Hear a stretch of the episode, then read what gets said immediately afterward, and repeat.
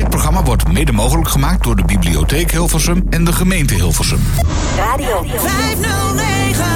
Radio 509. Live vanuit de bibliotheek in Hilversum. Ja, het is maar dat je het even weet. Goedemiddag, het is drie uur geweest op vrijdag 22 december 2023. Tot vijf uur is dit Radio 509 live vanaf de Schravenlandse weg.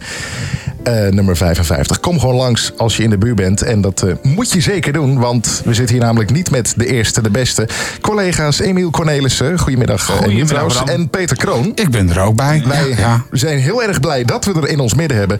Theatermaakster, actrice en zangeres Aishigil Karaja. Hallo. Goed dat je er bent. Dankjewel. Ja, barre tocht hier naartoe. Nou hè. Zo, het was, Wat is er allemaal gebeurd? Nou, ja, waar zullen we eens beginnen? Uh, ja, wij zaten natuurlijk eerst nog even de boel uh, grondig voor te bereiden uh, in een restaurant. Zoals dat hoort. Wel ja. Ja, hè? natuurlijk. Mag wat kosten. Ja, en, precies. Nou, op een gegeven moment was het zo. Oké, okay, we, we, gaan nu. We rekenen af, we gaan. Ik reken af, dus we, we gaan. En, nou, dus even kijken. We hebben nog zoveel minuten. Oké, okay, nou, we, we, regelen wel even gauw een taxi. We, we spurten hier naartoe. Maar ja, goed, dat duurde ook weer heel erg lang. Dus op een gegeven moment, wij zeggen van, gaan we rennen? Ja, oké, okay, we gaan rennen. We gaan lopen. We hebben keihard ja. nog gehold, het laatste stuk. Maar uh, we hebben het op tijd gehaald. Want, want die, die taxi is nooit gekomen? Nee, nou ja, goed. Uh, nee, het duurde uh, lang duurde om een lang. chauffeur te zoeken. En ja, de taxis die hadden het gewoon heel erg druk voor de feestdagen. Ja, het is vrijdag. Ook dus en, met, en, met exact, dat ook, ook dat. Ja, nee, precies. Dus het, dat duurde even. Maar... Dus ik heb Bram gezegd, hou mijn schouders vast. En we zijn door Hilversum gevlogen. We zijn om echt hier gewend. Het ging nog op tijd ook. aan te komen. Dus als jij me vraagt, hoe zijn jouw begeleidingsskills? Nou, vanmiddag was het... Uh, nou, dat ging best zijn- goed. ja, dat, dat, dat was uh, iets te snel, zeg jullie zijn maar. er gekomen, dus je zou zeggen, die zijn Nou, heel goed, die begeleidingskills. Ice, het ging hartstikke goed. Ja. Hoezo zebrapaden? We gaan gewoon dwars over de weg oversteken met... Ik heb eh, ja. gezien hoor vandaag. Nee, Nee, nee, zo snel precies, gingen we. Maar ja. eh, nee, op, eh, ik ben heel huids aangekomen. ik heb mijn botten niet gebroken. Dus Ja. vraag me niet hoe, maar eh, het is gelukt. Je maakt wat mee als je met mij op pad gaat, ja, nee, zeg maar ik jou maar. nooit saai, absoluut. Nee. Nou, hoe dan Ja. ook, we hebben, een, we hebben een vol programma vandaag. Want sowieso gaan Mhm. we natuurlijk met, met jou praten. Want 2023 was een enerverend jaar voor jou. Op, op heel veel gebieden. Er komt ook, ook eh, nog heel veel leuk werk aan. Maar ook in het tweede uur hebben we natuurlijk nog... nog, eh, nog bijzondere iemand, gast. hè? Zeker? Dat, want eh, dan daar zijn hebben we we, weer over. ja, want dan hebben we eh, Manon uh, Sais hebben we te gast. En zij is ja, eigenlijk ook wel een beetje in het verlengde van jou, uh, Dus zij is Oh. storyteller, verhalenverteller. En dat, daar geeft ze zelfs eh, workshops eh, over, over hoe je dat dan goed doet. Hoe vertel je nou goed een verhaal? Ah, ja. En dat doet ze hier eh, binnenkort eh, in de bibliotheek van Hilversum. Dus daar komt ze straks in het tweede uur echt van alles over vertellen. Wat leuk. Dus eh, dat moet goed komen, denk ik. Tot vijf uur eh, ben je er in elk geval bij. Radio 509, live vanaf de Schravenlandseweg 55. Ehm, we praten zo even verder, maar eh, laten we even een stukje muziek doen. Dat is altijd wel fijn. We gaan terug naar 1987. Adje Vandenberg heeft trouwens ook nog in deze band gespeeld. Die je trouwens ook meespelen in deze plaat. Meerdere versies zijn er van dit nummer uitgebracht, waaronder de gewone. Maar uiteraard gaan we bij Radio 509 toch voor het ietsjes stevigere werk. Namelijk voor de USA remix. We gaan naar 1987. Here I Go Again. It is Whitesnake. No,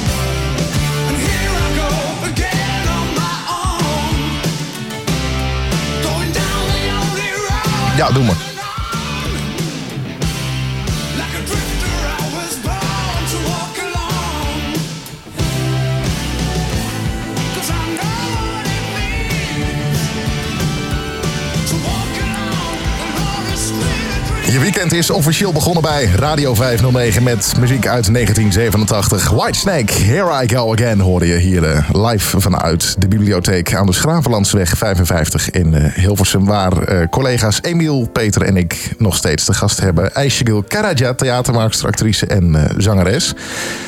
Ja, ik, ik zei het al, het was een behoorlijk enerverend jaar voor jou.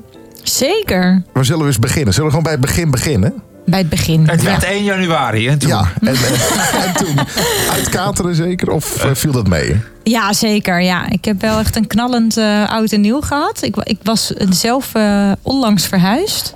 Eigenlijk oh ja. vorig jaar rond deze tijd zat ik net in mijn nieuwe woning. Tussen de dozen? Tussen de verhuisdozen? Ja, serieus. Ah. Ja, echt. Um, en uh, kerst werd ook bij mij gevierd met de familie. Dus ook ik moest ook. Ja, ik was net in mijn nieuwe woning en mocht gelijk het diner voorbereiden en alles. Uh, en oud en nieuw gevierd, ook bij mij thuis met vrienden. Omdat ik dacht, nou, dan is dat gelijk een housewarming en noem maar op, alles in één. Ja, dus 1 januari, dat kan ik wel afstrepen van mijn agenda. Ik was echt niks waard. dat wel. Uh, ja. Nee, precies. Maar goed, toen, uh, toen meldde zich in één keer een organisatie met het verzoek of jij als ambassadeur ja, voor ze wilde. Man. Ja, dat is echt. Waar hebben we het hier over? Jeetje, ja, dat, dat, uh, ik werd gebeld door het Bartimeus Fonds. En uh, ik had serieus uh, twee keer een gesprek bij ze op kantoor. Dat we dachten, nou, wat kunnen we voor de, in de toekomst voor elkaar betekenen, inzetten voor mensen met een visuele beperking. En ineens ja. kreeg ik een telefoontje met... hoi, je spreekt met die en die van het Bartimeus Fonds... en uh, we willen jou wat dat? vragen. Leg het even, ja, sorry dat ik even tussen maar wat is het Bartimeus Fonds? Uh, leg het er heel even uit voor de mensen die denken van... oké, okay. Nou het Bartimeus Fonds is een stichting die zich inzet voor mensen met een visuele beperking in de breedste zin van het woord. Uh, dus innovatief, maar ook qua behandeling, qua onderzoeken, qua uh, mobiliteit, uh, onderwijs, maar ook in kunst en cultuur, in de media. Om slechtziendheid inzichtelijk te maken, bespreekbaar te maken, maar ook meer participatie en kansen te creëren voor blinden en slechtzienden. En uh, het Bartimeus Fonds is dus een, een, een stichting uh, die, die uh, ja, uh, financiële bijdrage levert aan uh, producties, uh, inclusieve producties die worden bewerkstelligd um, door bedrijven, door kunst en cultuur, film, tv, theater, um, evenementen. Die kunnen dan beroep doen op het Bartimeus Fonds en dan kunnen ze daar een financiële bijdrage aan leveren. Ja, en, en na twee gesprekken met ze dachten ze, weet je wat, we zoeken een nieuwe ambassadeur, dus bellen wij eens. Nou ja, ze hadden natuurlijk, ze hebben Vincent Bijlo, Charda Struik, ze hadden al wel wat en toen ging mijn telefoon en zeiden ze: hey, ja, je hebt uh, een gesprek bij ons gehad. En uh, we zouden jou. Uh, we hebben Bert van Leeuwen, doet het al een aantal jaar als ambassadeur. ja, we willen jou eigenlijk de vraag stellen: zou jij onze nieuwe ambassadeur worden? That's the question. Nou, het was dus een paar seconden stil aan de lijn. En zei ze, ben je er nog? Ik zei, ja, ik ben er nog. Maar wat betekent dit? Moet Bert, gaat Bert weg? Bert moet niet weg, hij moet blijven. En toen zeiden ze, nee, we willen graag dat jullie het samen gaan doen.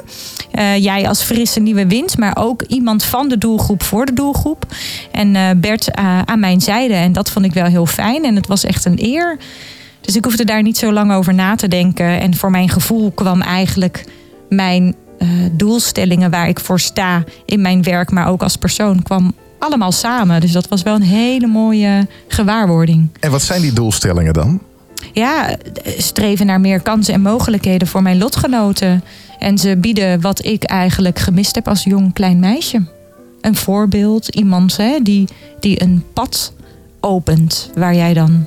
En, en dat doe jij nu? Overheen kan. Ben jij nu dat voorbeeld voor ik, anderen? Ik hoop het. Ik vind het heel lastig om het over mezelf te zeggen dat ik het werkelijk ben. Ik hoop het en ik doe wel mijn best. En ik wilde wel voor mijn lotgenoten zijn. Ja. Want dat, dat hoor ik inderdaad ook, ook vaker. Want een, een tijdje uh, terug, en, uh, bijna ook alweer een jaar geleden, was jij te gast in uh, de podcast Blikvanger van, van Annemiek van Munster. Ja. En daarin gaf je zelf eigenlijk al aan van... joh, ik heb zelf nooit, en dat, eh, dat hoor ik nu ook wel wat vaker om me heen... mensen van, eh, zeg maar van ja, onze leeftijd toch een beetje... die zeggen, ja, maar zo'n voorbeeld was er eigenlijk helemaal niet toen de tijd. Klopt. En dat, eh, dat vond ik destijds heel lastig. Toen ik jonger was, dan zit je op de opleiding en dan krijg je wel eens de vraag hè, van eh, voor je persoonlijke ontwikkeling. Ja, wie is jouw voorbeeld? Waar haal je inspiratie uit? En eh, hè, eh, wat zou je willen bereiken als je hè, over tien jaar of vijf jaar in je carrière? En ik had zoiets, ja, ik moet nu een soort sociaal wenselijk antwoord geven en maar een voorbeeld gaan verzinnen waar ik mijn inspiratie uit haal. Maar ik dacht, nou, als ik heel eerlijk ben, haal ik eigenlijk mijn inspiratie uit mezelf. Want ik heb geen voorbeeld, maar dat, dat stond zo niet netjes, zeg maar, als ik dat antwoord zou geven. Nee. Eh, maar het ging zo tegen mijn gevoel instaan. En op een gegeven moment dacht ik: nee, ik ga gewoon zeggen dat ik echt geen voorbeeld heb. En dat is heel schrikbarend, maar tegelijkertijd ook een spiegel voor onze samenleving van: oh, er, is dus een, er zijn dus een groep mensen die zich met niets of niemand kunnen identificeren. En daar ben ik wel één van geweest. ja, Maar stel nou dat iemand, eh, die, die- iemand anders krijgt die vraag. Eh, die, die kan nu zeggen van, nou, ik heb eh Ice Cube als voorbeeld. Hè, want dat, dat is eigenlijk ook wat je... Dat miste jij dan. Ha- Maar had jij in die tijd zelf ook al voor jezelf kunnen zeggen... Oké, eh, die, die, die is mijn voorbeeld, want die, is, die ziet ook net zo weinig... of ook in ieder geval een stuk minder net als ik. Dat heb ik destijds niet gehad, omdat dat, het, het kreeg nog geen podium. Ja, maar had je het gewild? Ja.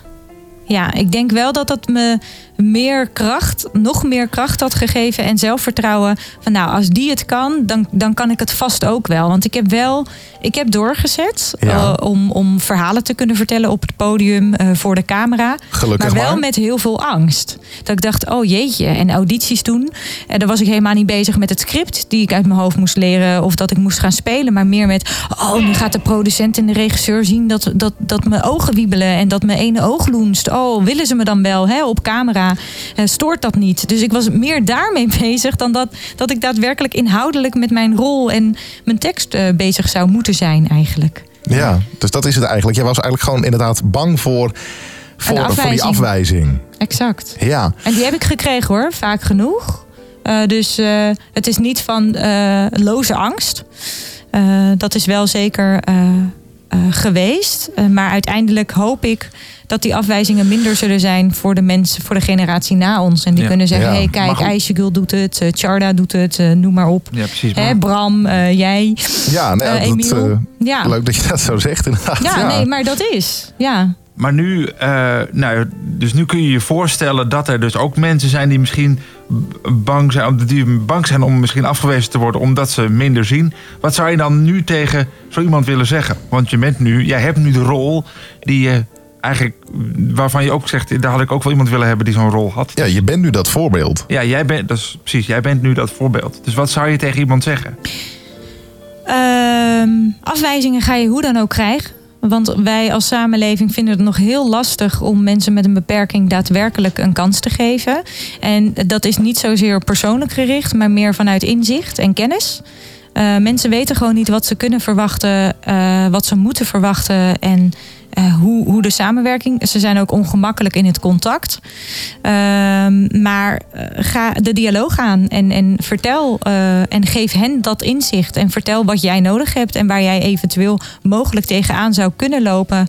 Maar hoe je het wel weer anders zou kunnen oppakken. Ja, want als jij met, met mensen in gesprek gaat, dan krijg je ook het begrip ervoor, toch? Ja, ja. Ja. dus durf wel je zo eh, in die zin kwetsbaar op te stellen. Te zeggen, nou, ik heb een visuele beperking. En ik word daar zeker in beperkt. Maar voor deze functie of voor deze rol zou ik het zus en zo aanpakken. Ik werk net op een andere Ja. manier. Maar het resultaat is wel hetzelfde als, een ieder, ander, als ieder andere werknemer. Ja, nou goed. Dus dat zou ik willen adviseren. En als je dan een afwijzing krijgt, wat natuurlijk ook wel kan. Zeker. Ga niet bij de pakken neerzitten. Probeer het gewoon ergens anders. Ja, maar, maar goed, dan, wat wel het voordeel dan is, stel dat die afwijzing er komt. Er is wel een gesprek dan geweest tussen jou als slechtziende blinde kandidaat en die werkgever. Dus je hebt wel alvast kunnen aangeven wat. Nou ja, dat als je dat, als je wat Icicle net zegt, van, de, van dit en dit zijn mijn ster, ondanks mijn visuele beperking, mijn sterke punten, dat komt vaak in een gesprek naar voren. Of zeg je dat kan ook in een brief. Nou, Ehm, nee, ik denk dat het gesprek, kijk, het is wat ik, wat ik merk eh, in de samenleving is als, als je echt tegenover iemand zit en iemand maakt jou echt mee en voelt je energie en je aanwezigheid, heb je een heel ander gesprek dan zwart op wit op papier. Ja, dat absoluut. heeft toch wel een eh, bepaalde afstand. Dus durf zeker een fysieke gesprek aan te gaan. En ik denk anno 2023, bijna 24, is er ook wel meer bespreekbaar rondom eh, blinden en slechtzienden.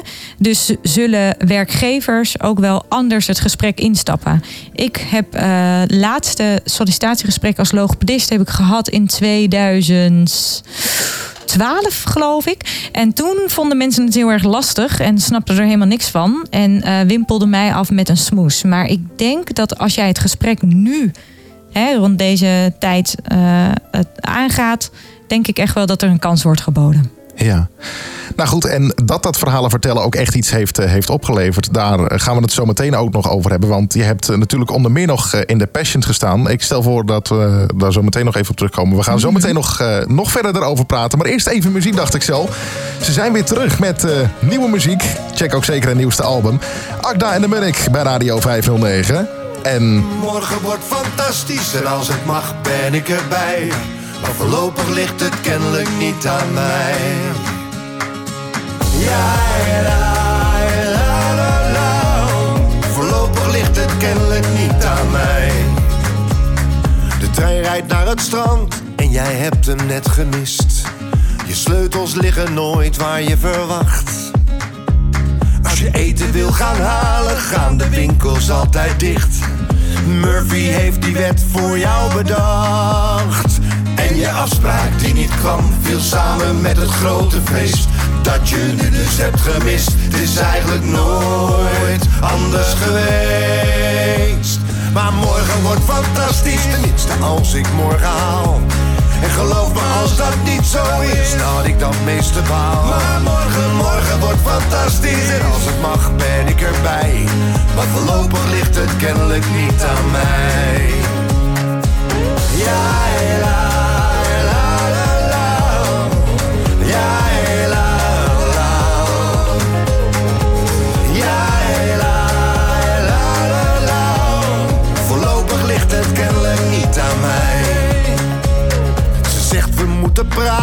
en dan weet je wel hoe laat. En waarom ze zich al dagen zo gedroeg.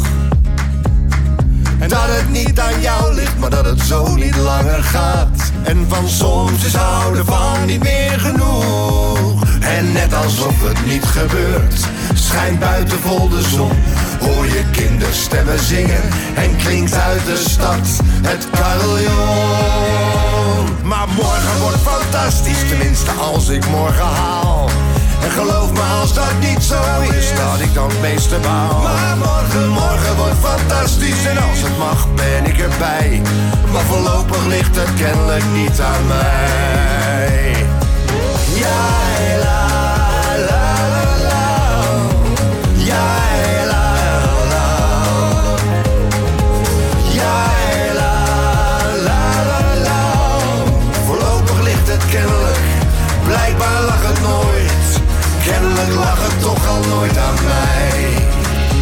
Is dit fijn of is dit fijn? Ik, eh, ik dacht het wel zeg. Agda en de Munnik bij Radio 509. En eh, morgen wordt fantastisch live vanaf de Schravenlandseweg 55. De huiskamer van Hilversum. Tot vijf uur eh, kun je nog langskomen. Dus mocht je nu al een, eh, een vraag voor, eh, voor een van ons hebben... of voor, eh, voor IJsjegul uiteraard... eh, kom gewoon even langs. Dan eh, gaan we het gewoon eh, voorleggen.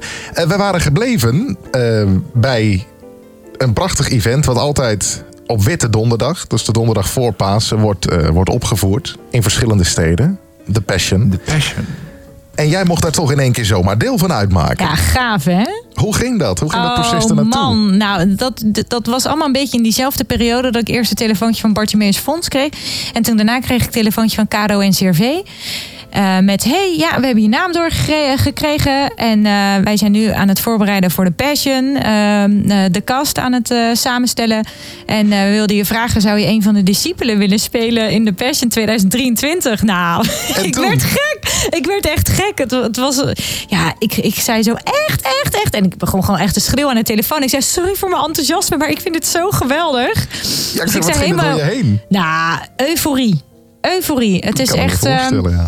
Ja, ik, ik keek het elk jaar. En kijk, het is niet dat ik echt het pad van Heere Jezus eh, volg en dat ik daar helemaal in geloof en dat ik de Bijbel heb uitgelezen. Maar ik vind gewoon de, de boodschap daaronder vind ik gewoon zo mooi. Hè? Verbinding, liefde en elk, iedereen gewoon leef en laat leven. Dat is eigenlijk wat Jezus zegt. Ja, Eh, en gewoon het hele programma, man. Het is, het is muziektheater, maar dan op televisie. Dat Ja. is gewoon waanzinnig. En dan buiten.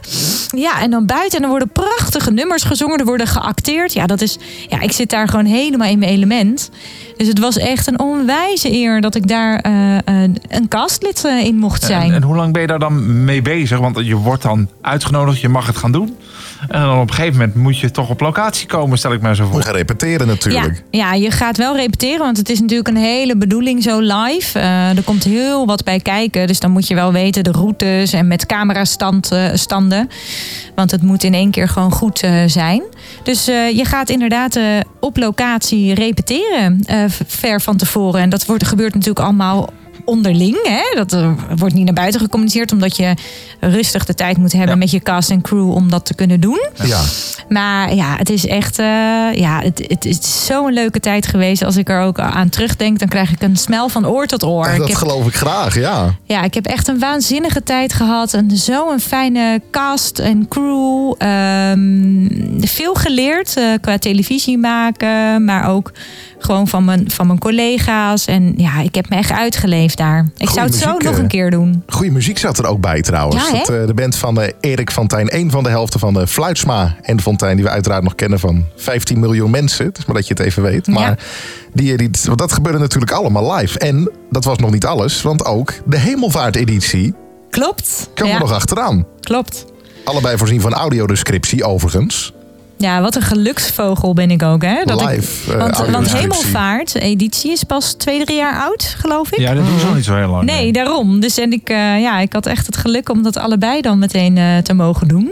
Ja, het is echt. Nee, dus ik vol lof over de passion. Dus iedereen die die kans krijgt om mee te doen, zou ik ze echt, echt zeggen: het doen, gewoon doen. Ja, je krijgt er echt geen spijt Vol van. met passie voor gaan, zeg je Nee, eigenlijk. het is hè? echt waanzinnig. En dan het moment dat je dan aan het eind, zeg maar het eindlied, kom je dan op dat grote podium te staan. Hè? En dan zing je dat eindlied eh, Leun op mij. Was het thema van dit jaar. Ja. Jeetje man. Vroeger had je dan eh, het, het, het talentjachtprogramma Idols. En dan Ja. had je signeersessies. Nu is dat niet. Alles is gedigitaliseerd met social media. Maar dan ging je wel eens naar pleinen. En dan stonden er duizend man op jou te wachten. En je naam te roepen. En te wachten op een handtekening en een glimp van jou. Ja. Dat is nu niet meer eigenlijk. Eh, en bij de, de Passion en op dat toneel ervoer ik dat moment dat ik dacht... Oh, dit maakte dus die artiesten mee. Dat er zoveel duizend mensen daar staan. Echt, het was ook echt hondenweer dit jaar met de Passion. ja, het was vreselijk weer Het ook nog. hosten, het, het waaide, het was super koud. Ja. Maar iedereen stond daar in zijn regenjasje en alle telefoons omhoog, foto's maken, roepen. Je na- mijn naam werd geroepen. Maar ja, ik zie natuurlijk, ik kan niet zo ver kijken. Nee. Dus ik hoorde overal mijn naam vandaan komen. En ik denk, wow, wat is dit? En ja, het was echt, ik kan je niet beschrijven vet? wat voor emoties. eh, ja, het is echt eh, waanzinnig. Ik vond het ook altijd, dat vind ik ook ideaal weer een prestatie. Gewoon dat ze die live audiodescriptie er gewoon bij doen, hè, via Goed, de radio. hè? Dat, Ja, eh, dat- wordt ook opgeoefend, weet ik toevallig. Ja, want dan kun je het ook, als je het niet zo goed ziet, kan je het toch, eh, kan je het toch meekrijgen. Ja, en dat, ik, bij mij thuis hadden we hem aanstaan. Wij hadden hem, ik, eh, Jessica en ik hadden hem op de radio aan. Alleen mijn moeder die had hem aan op de tv. Dus op een gegeven moment ze zegt van hoe kan dat nou? Wat jullie horen, dat heb ik helemaal nog niet. Dat is wel het mooie. eh, Ja. van, wij hadden dus dankzij dat, eh, dat mooie medium radio... hadden wij wel weer gewoon een stukje voorsprong. En dat, dat heeft toch ook altijd wel wat. Maar we, we- het was heel goed te beleven. Het was volgens mij de eerste keer ook dat het in die zin... eh, zo inclusief was, volgens mij. Ja, audiodescriptie is eerder gedaan, maar volgens Ja. mij was het... Nee, er heeft volgens mij ook nog nooit een visueel beperkte acteur in. Nee, ik was de eerste. Dit was de eerste. Dit Ja, was echt de ik was eerste. de eerste, ja. Ja, Goed zeg. Ja eindelijk. Eindelijk. Ja, waarom, eindelijk. waarom nu pas Ja. eigenlijk? Precies, ja. Waarom nu pas? Ja. En, en dan, want het is dan afgelopen en dan ga je waarschijnlijk geradbraakt. Ga je een keer naar huis.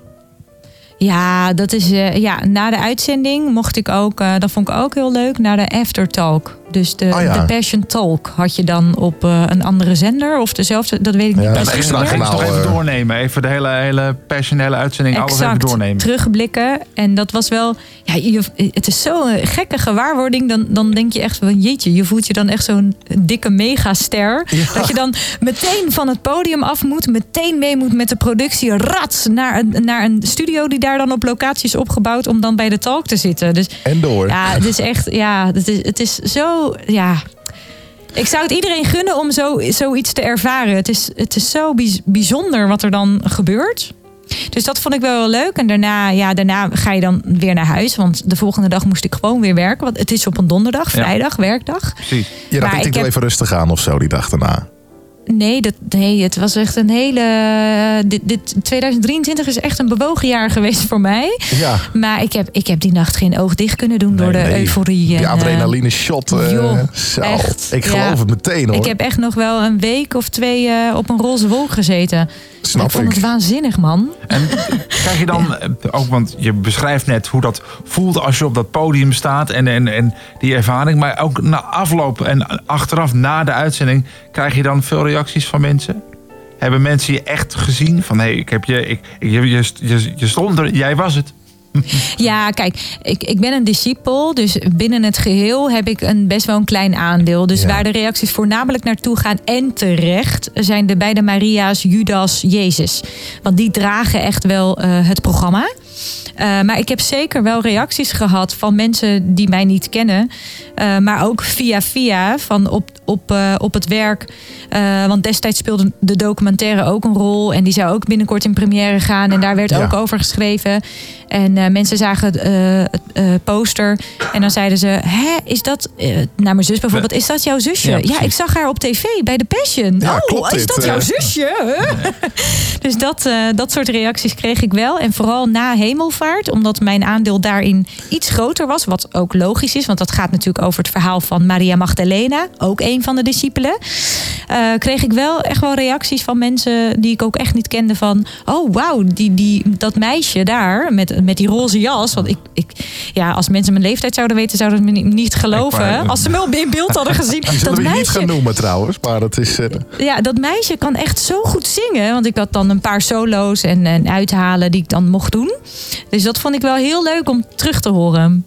Ja, precies. Ja. Ja, Dat meisje, oké. ja, dat meisje, je bent natuurlijk ook helemaal niet zo groot. Dat Ja, is maar- het. ja, maar die roze jas, die roze jas al. Dat is al die eh, roze jas. Ik had zo in eh Spanga's kunnen spelen, Jon. Ja, dat, is daar, echt, dat eh, maakt me heel kinderlijk. Maar die jas was echt, dat, dat was zo'n mooie jas.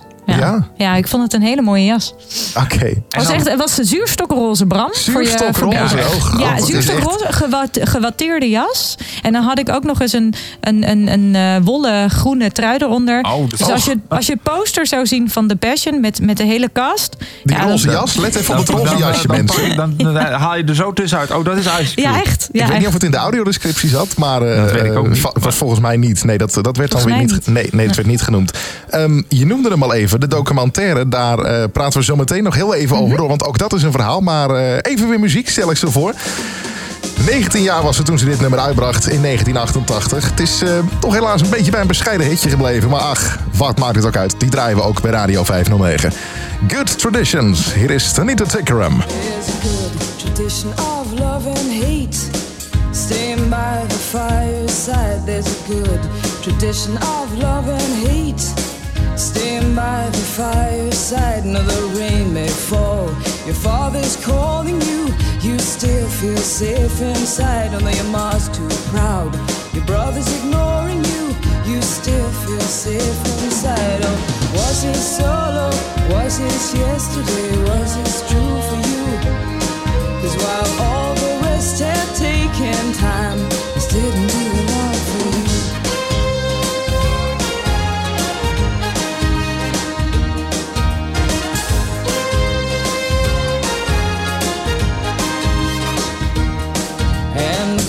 the laced with memories Tell you how it used to be Your mother smiles Children play and all the bad things happen miles away And strong feelings never bother you You hold your head up while the rest of us try to. Oh, call the stations, call the people. We all wanna know. Cause while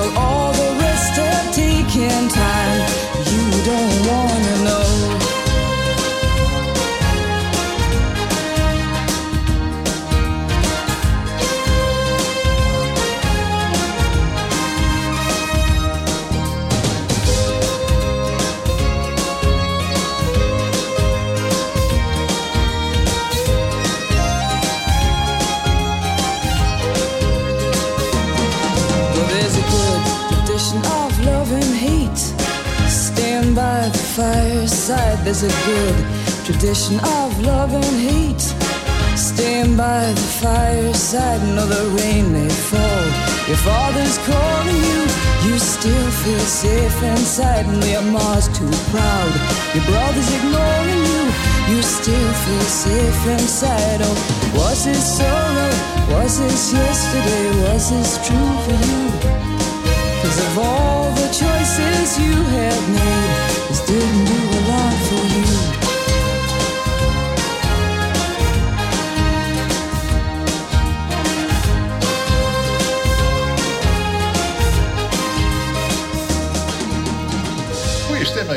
trouwens. Uh, Tanita Tikram bij Radio 509. Good Traditions hoorde je. Eh, we zijn nog steeds live vanaf de Schravenlandseweg 55 in Hilversum in het eh, radiotheater in de bibliotheek.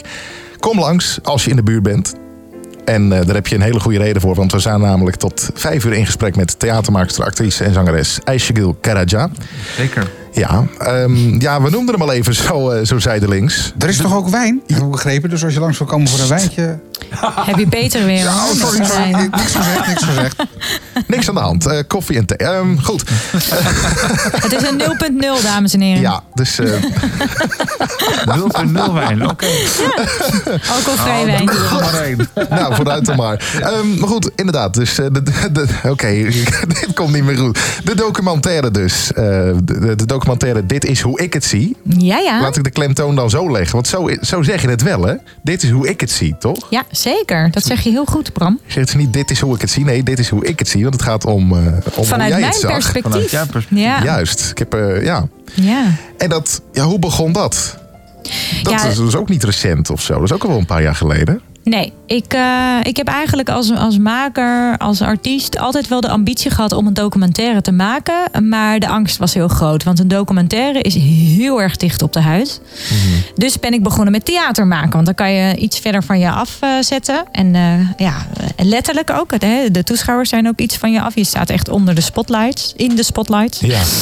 Uh, maar zo'n camera, dat, ja, je ziet echt elke uh, vezel uh, of elke spier in je gelaat zie je de, optrekken, noem maar op. Dus ik heb er even mee gewacht. En toen uh, in coronatijd, toen alles wegviel en ik zo ja, diep raakte als, als het ware. Zeg maar dat ik echt voelde van ik ben nu heel erg moe.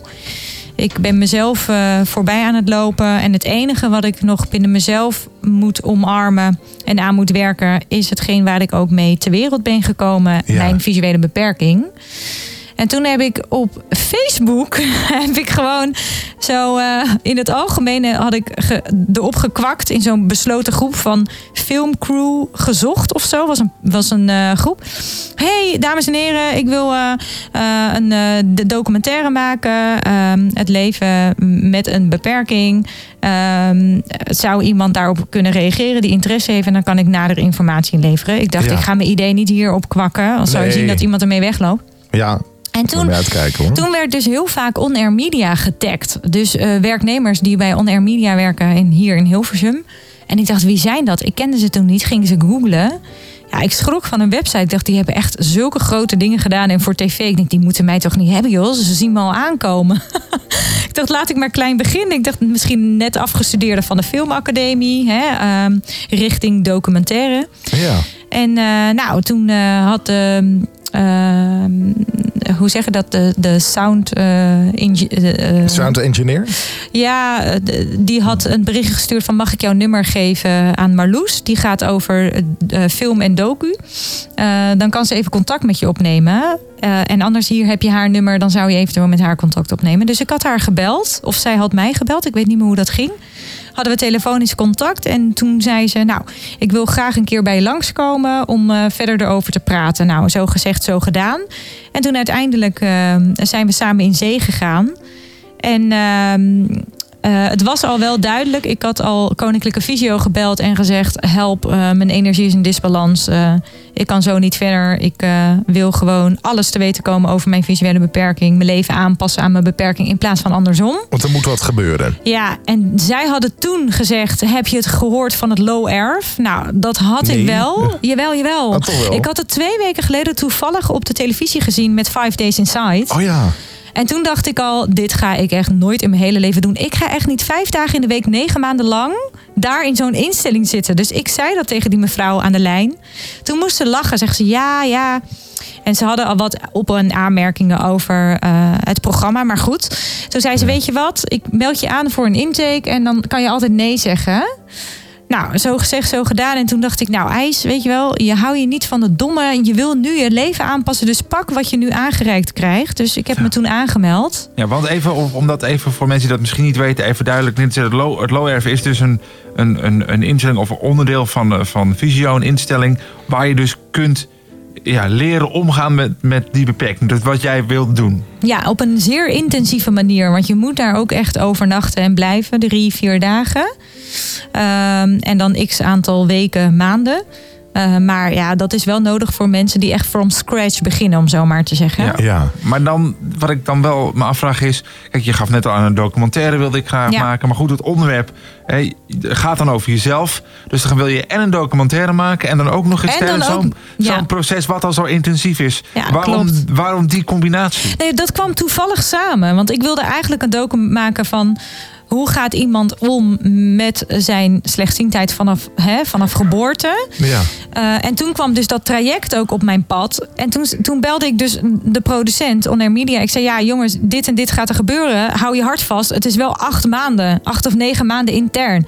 Wat? Ik zei, ja, ik moet dit doen. Dus zeiden, nou, dan nemen we dat mee in de opnames. Dus dan zou het echt wel langer duren. Hè? Het voorproces en opname en de uitgifte. Ehm, en toen ben ik in eh, 2021 ben ik begonnen. En ook afgerond het eh, traject. En hadden we ook nog een paar opnames na het traject. Van hoe ziet je leven er nu uit? wat, ja. wat is aangepast en wat doe je nog steeds hetzelfde? Want voor het traject hebben we ook al heel wat opnames gehad.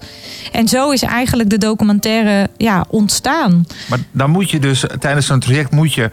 Gaat het veel over jou, want het gaat tenslotte om jou. Ja. Moet je al over praten. En dan moet je dat nog eens een keer doen. Maar dan ook eens een keer als er een camera op staat. Dat lijkt nogal wat. eh, Ja. Moet je wel blootgeven dan Ja. op zo'n ja, moment. toen ik ook op Low Erf zat en ze kwamen de eerste dag filmen.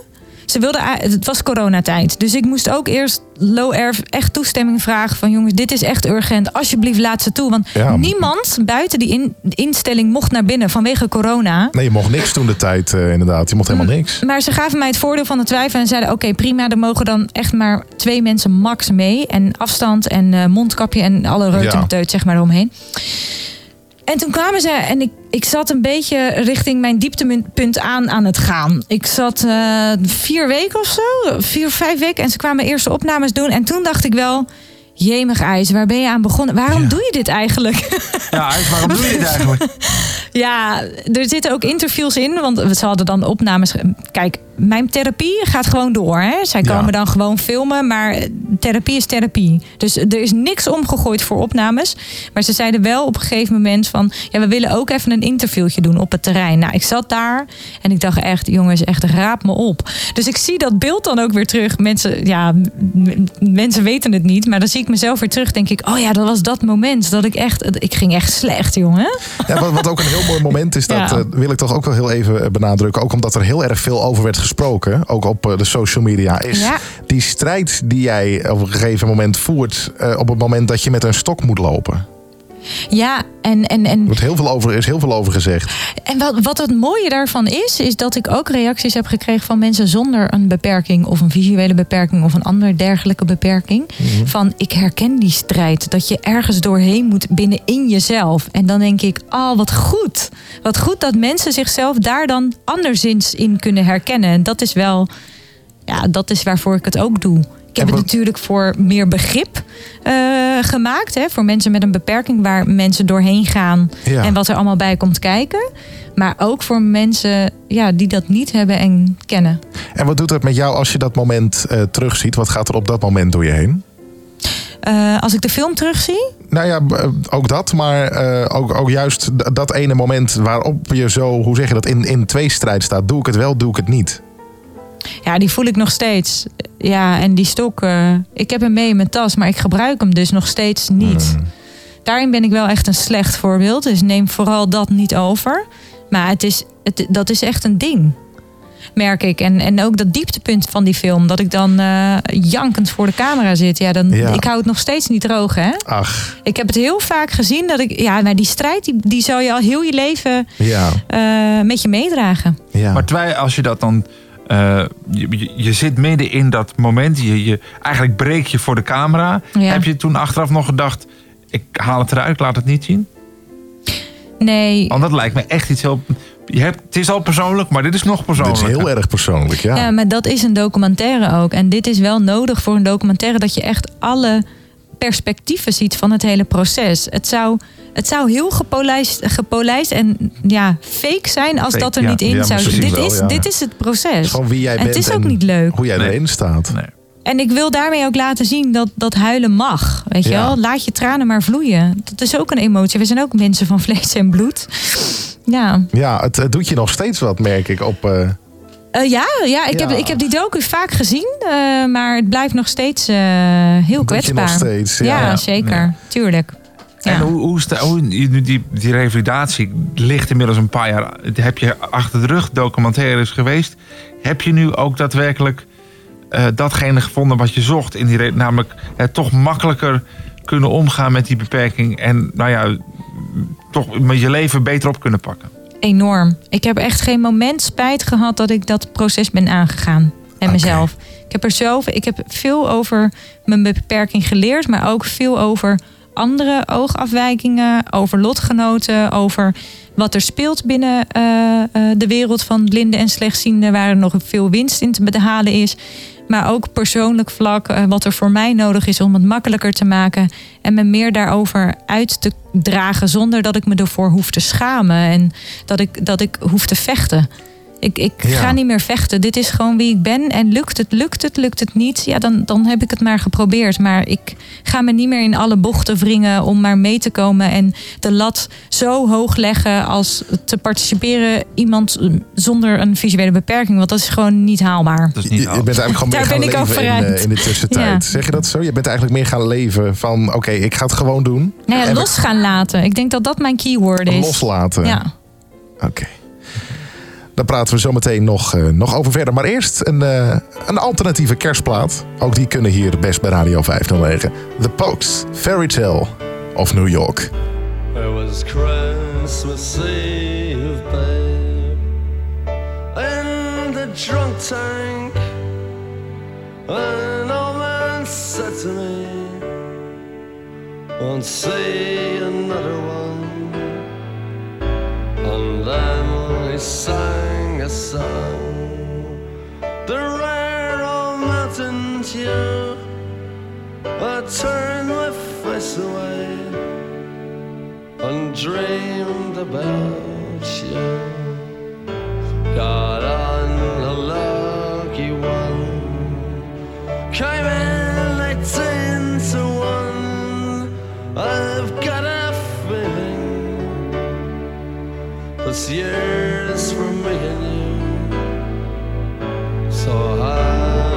Christmas. I love you, baby. I can see a better time when all our dreams come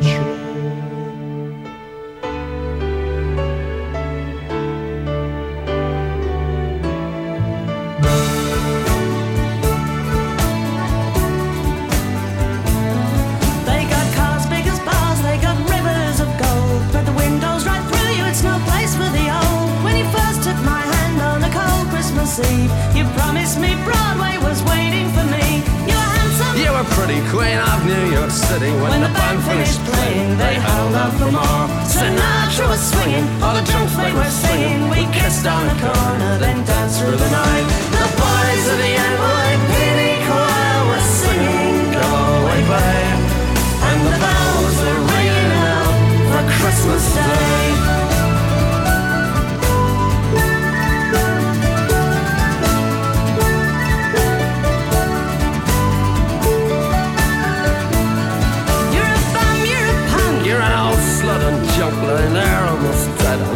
In that bed. You scumbag, you maggot, you cheap, lousy faggot. Happy Christmas, you're ours. I pray God it's our love. The boys of the NYPD choir still singing Go away, babe.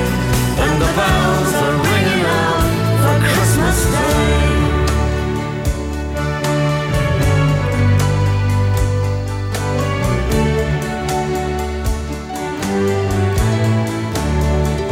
I could have been someone.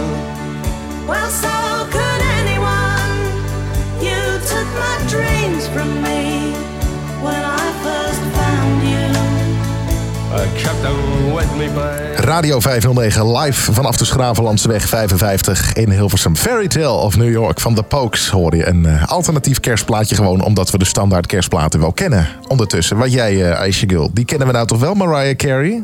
Ja, maar ik moet eerlijk zeggen, het verveelt nooit. Nee? Jij wordt dat niet. Ik word er al krank, joh. Als ik het één keer heb gehoord, dan, dan hoor ik die, dan Oh. Nee, hoor ik die echt meezingen. Oh nee, oh nee. Al- Als ik die plaat hoor, dan zeg ik thuis ook altijd andere zender. Ik zet zo wel weer terug. Nee, ik kan het Oh. niet meer aanhoren. Nee. Echt niet. Nee, ik vind het echt lekker, man.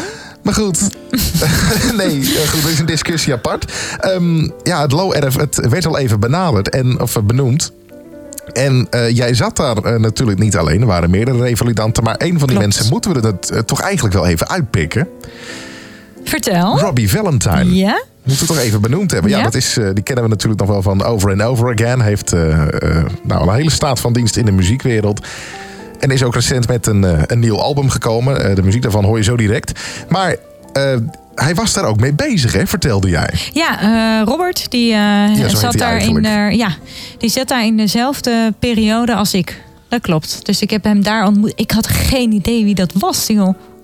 En hoe was dat? Het is ver voor mijn... Nou ja, ik zat daar... Ik had uiteindelijk mijn, mijn, mijn maatjes. eh, vriendengroepje met wie Ja. je vaker optrekt en met wie je praat. En er zat een oudere man in van in de 50. En hij zei zo... eh, hij, had, hij had koker, hij had RP. En door zijn koker zag hij wel dan nog 100%. Zei hij... Ja, zei hij, eh Robbie Valentine is hier. Ik zeg, wie? ik had geen idee. Zei hij tegen mij, ja, ja, ja, dat is voor jouw tijd. Dat is echt eh, de tijd nog van je moeder. Ik zeg, ja. En toen vertelde hij, ja, hij had een hit gehad in de jaren 80 of 90. Over Geen over again. Precies, geen idee. Dus ik had hem op Spotify opgezocht. En ik dacht, zo, deze man kan veel met zijn stem. Ja. Ik zeg, wie is dat dan? Wie- welke guy is dit dan? Dus hij liet het zien. Dus hij liep zo door de eetzaal. Door de eetzaal heen. Zo'n lange man was het, eh, heel eh, eh, mager, smalle bouw. Dus je kon hem ook echt niet missen. Lang, blond, prachtig haar. Mhm. Dus ik dacht, oh, ik zei, nou, die kan je niet missen. Dus op een gegeven moment dacht ik, nou, ik ga wel een gesprek voeren. Want hij vond dat dan spannend, omdat hij kende hem natuurlijk als artiest. En ik, ik had geen idee van wie die man was. Ja, je, je Dus denkt, wie, ging wie gewoon- is deze guy, dacht jij echt? Ja, dus ik, ik ging gewoon even kennis maken met hem. En, nou, en toen, toen hadden we echt wel veel raakvlakken. Want hij zat natuurlijk in de culturele sector en ik. En hij maakt, Mhm. hij maakt muziek en zingt. Nou, ik, en ik zing en ik maak theater, verhalen vertellen. Jij bent ook heel erg actief op dat, eh, dat gebied, zeker? Exact, exact. En toen liet ik, destijds had ik nummers gemaakt voor Ogentroost, die toen nog niet op Spotify kwamen, maar ik had wel de MP3-versies op mijn telefoon. Toen zei ik, ja, zei ik, heb je, heb je zin om wat platen van me te horen? Hij zei, heb je nummers gemaakt? Ik zei, ja, ja. Dus hij ging dat luisteren en hij vond, hij vond dat echt zo leuk. En zo gingen we dat uitwisselen. Want hij was toen ook destijds aan het schrijven voor het album, die nu dus uiteindelijk is uitgekomen. Ja, het, het is een goed album ook. Jij, jij was toen inderdaad er ook heel erg druk mee bezig. We hebben ze ook eh, grijs gedraaid op 509. En nog trouwens ja, leuk. hoor. Leuk. Maar, daarin konden we elkaar maar- heel erg vinden. En, en hij vertelde dan ook met optredens. En ik snapte heel erg waar hij doorheen ging. Zeiden ja. Nu moet ik optreden, maar ik, ik zie het publiek niet meer. En ik weet niet waar, ik, hè, waar mijn instrumenten staan. Want hij bespeelt meerdere instrumenten. En Ja. verplaatste zich op het podium van, van de piano naar zijn gitaar en et cetera. Dus ik, daarin hebben, hadden wij elkaar echt wel gevonden. Dat we daar ja, steun in konden vinden bij elkaar. En ik vond dat ook mooi. Hij zei ook tegen mij een keer... Hij zei, ik ben zo blij dat jij hier bent. Jij begrijpt mij gewoon. Weet je waar ik doorheen ga? En toen Ja. dacht ik, oh man. Het is zo'n lieve, lieve man. Ja, dat, dat geloof ik ook meteen. Hij heeft volgens mij ook voor het nieuwste album heeft hij ook alles zelf ingespeeld nog. Want dat heeft hij volgens mij helemaal zelf heeft hij dat ook eh, gedaan. Klopt, en dat heeft hij altijd gedaan eigenlijk, Ja. hè? Voorgaand ook. Hij mixt het af, hij neemt het op, want hij had zijn nummer had hij ook opgenomen. Ik kan me dat niet meer herinneren, want het was natuurlijk 2021 en toen liet hij dat horen op zijn telefoon. Zei hij, zaten we op, op mijn kamer, zei hij, ja, ik wil, het je, ik wil het je echt laten horen. Ik heb het nog niemand laten horen, maar ik ben benieuwd wat jij ervan vindt, omdat jij je nummers ook hebt laten horen. En toen Ja. had hij een nummer dus geschreven over zijn visuele beperking en Ja. slechter wordende zicht. Ja, dat ontroerde mij wel. Hij, hij schrijft het dan zo op een poëtische manier. Hij en kan ja, dat het- heel goed, ja. Maar dit, dit, eh, dit, dit Oh. vraagt toch eigenlijk om een duet? Ja, nou. eigenlijk moet er een keer een de komen. Ja. Nee, daar hadden we het wel over. nou, wat heet het zit verzuurt niet, toch? Maar die Robbie Valentine had toch meer, eh, meerdere kwaliteiten? Ook iets met, uh, zeg maar... Uh... Nee, nee, nee, nee, nee, nee, nee, nee. Hij, was, hij was gewoon in het low air, was hij, hij deed niks. Ja, tuurlijk, hij is een rock and roll artiest geweest in de jaren negen. Wat hij allemaal heeft gedaan, weet ik niet. Oh, ik dacht het... dat hij jou ook een beetje verzag van Nee, niet, niet van die, middelen. Nee, niet van die middelen, maar wel slaapmiddelen. Ik bedoel, oh. ik sliep heel slecht. is toch bijna hetzelfde. Ja, nee. Tegenovergestelde. Ik sliep. ja, een down, downer kreeg ik. Nee, ik sliep daar echt. Oh, jongens, nee, Radio nee, nee. 509 vanuit, eh, vanuit de bibliotheek. Alles is Nee. bespreekbaar. Nee, dat mag daar niet. eh. Nee, dat mag echt absolu- je mag absoluut geen druk of overmaat, eh, drugs of overmatig alcoholgebruik mag daar niet. Dan word je gewoon weggestuurd, keihard en Oh, dan terecht. blijf ik dan maar weg, denk ik. Dat gaat niet goed dan. Nee, dat gaat met jou niet goed, meneer Liefding. Nee, Nee, nee, nee, nee. Met je 0.0, hè? Nou, ja, zeker. Nee, nee, nee, nee. nee, nee hij had wel eh, slaapmedicatie, want hij sliep heel slecht. En eh, ik had dat niet. En eh, nou ja, toen eh, kreeg ik het van hem. En dat kon ik op dat moment heel goed gebruiken, ja. Ja, Ja. ik deed echt geen oog dicht daar. Nou, ik stel voor dat we, Ja. dat we hem even gaan draaien. Take me to the light bij eh, Radio 509.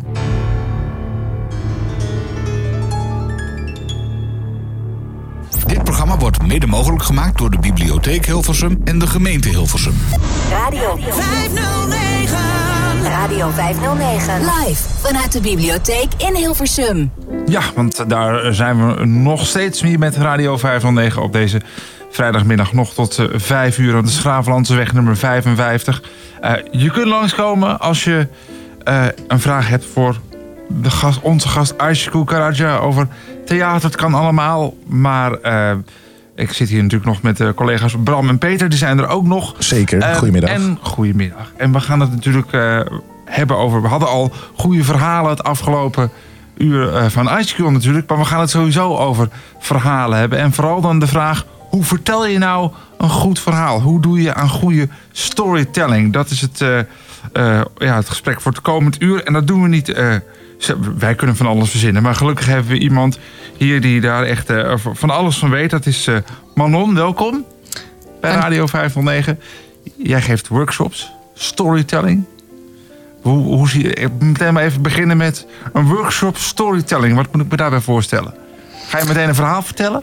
Nou, eh, de bedoeling is dat je dat samen gaat ontdekken. En ook samen gaat ervaren. Mijn eh, storytelling is heel breed. Eh, kun je op heel veel verschillende manieren insteken. Maar mijn manier is om in de wor- workshop eigenlijk eh, storytelling te gebruiken als een manier, ja, eigenlijk als levenskunst. En dat betekent, storytelling is voor mij de kracht van verhalen. En de kracht van verhalen is dat je daarmee ehm, kunt verbinden. Ja, want dat is jouw... Hoe, hoe kom je tot storytelling? Wat kun je misschien eens vertellen over jouw achtergrond? Wat heb je gedaan? Hoe ben je, ben je daar al heel lang mee bezig met het... eh, Ja, met storytelling, of want uiteindelijk ga je dan ook zo'n workshop doen. Dus, eh, hoe kom je Nou, vertel iets over jezelf. Het, thuis- laat ik het even zo zeggen. Ja, nou, verhalen hebben me altijd wel gegrepen. Ehm, ik weet, er is een heel bekend boek eh, van de Alchemist van Paulo Ah, ja. Coelho. Oh ja. Ja. Nou, dat is bijvoorbeeld zo'n boek wat mij heel lang op mijn reis heeft ja, geïnspireerd. Ehm, maar zelf deed ik er nog niks mee. En ehm, ik heb een aantal jaren gereisd. En eh, met corona ben ik teruggezet in Nederland eigenlijk. Van het een op het andere moment. En ehm, ik dacht eigenlijk dat dat... Ja, dat ik teruggestuurd was. Omdat er dan misschien iets in mijn omgeving zou zijn. Dat ik ergens voor iemand iets moest betekenen. Voor een dierbaar. En dat bleek niet het geval.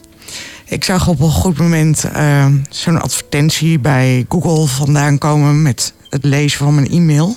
En daar stond het woordje vertelkunst. En ik had er nog nooit van gehoord. Ik wist echt niet wat het was. Totaal onbekend eigenlijk. Totaal eh. onbekend. Maar ik wist meteen, oh, hier moet ik zijn. Dit is moet mijn ik bestemming. Doen. Dit is het. En ik ben gegaan. En inderdaad, het, het vatte vlam. Het werd een passie. Het was het ontbrekende stukje puzzel in mijn leven. En wat deed je toen eh, je veel in het buitenland was? Was je daar gewoon echt aan het reizen en veel ervaring opdoen? Klopt, ja. Ah ja, gewoon eigenlijk een soort sabbatical. Nou, maar dan wel een hele lange. Want van eh, het? zes en een half jaar. Oh, oké. Dat is, eh, dat is best En, en zorgde je dan voor dat je in het buitenland dan wat, wat bijbaantjes nam om weer even je eh, portemonneetje te vullen en weer verder te trekken? Mm, niet echt. Nee, ik eh, verhuurde elke keer mijn huis voor een jaar. Oh ja, ja dat kan natuurlijk ook En nog. verder teerde ik gewoon in op het, ja, het geld wat ik daarvoor verdiend had. Wauw, fantastisch. Zes jaar, zes jaar lang reizen, dan, dan kom je natuurlijk. Dan kom je ook een hoop verhalen tegen, stel ik maar zo voor. Inderdaad. Klopt, ja. En, en wat haal je dan eh, uit, die, uit die reizen, uit die verhalen die je dan daar tegenkomt? En neem je dat nu mee naar zo'n workshop sto- eh, storytelling? Absoluut. Want eh, nou, mijn reizen die hebben me van mij een ander mens gemaakt. En ehm, ja, ik heb er eigenlijk een koffer vol dierbare herinneringen Ja. aan overgehouden. En natuurlijk een, een brok van inspiratie en ook ervaringen. Waardoor ik zelf heel anders in het leven sta. En wat inspireerde u nou het, eh, het, het meeste precies van al, die, eh, van al die reizen? Want u zegt, ik heb eh, zes en een half jaar gereisd. Wat was nou een van de landen, of gewoon, eh, gewoon wat u dan ook hebt meegekregen... waarvan u dacht, nou, dit gaat me zo bijblijven... dit raak ik ook mijn leven lang niet kwijt. Ah, nou ja, dat is heel lastig te vangen in één momentje. Ja. Maar, ehm, want elk, elk land heeft zo zijn eigen gebruiken. En eh, ook zijn eigen ja, spiegels. En dus inspiratie voor mij. Dus ik, ja, ik heb ontzettend warme herinneringen aan eigenlijk alle landen waar ik geweest ben. Zonder uitzondering. Maar ik zal toch benoemen dat Colombia het land was waar ja, wat mijn hart gestolen heeft en waar ik gelijk me thuis voelde. Voel je voel je, voel je, je thuis? Want je hebt 6,5 jaar gereisd. Hoe, hoe heb je dan bepaald waar, waar je heen gaat? Je begint in Nederland, dat snap ik. Maar dan, je, hoe, hoe bepaal, want hoe ben je dan, laat ik het anders vragen, uiteindelijk in Colombia terechtgekomen? Ehm, nou, ik ben begonnen met. Ik, daarvoor heb ik ook wel gereisd, altijd in bijzijn van anderen. Maar nou ja, ik ben ter wereld gekomen als boogschutter. En eh, reizen en avonturen en ehm, vrijheid, dat zit gewoon in mijn bloed. Ja. Alleen aanvankelijk vond ik dat nog heel spannend. Durfde ik dat eigenlijk niet. Ehm, dus ik heb altijd met maatjes gereisd. Maar elke keer merkte ik dat ik veel meer wilde. Ik, ja, ik wilde gewoon zwerven. Ehm, en uiteindelijk heb ik ja, de moed gevonden om dat te, te doen.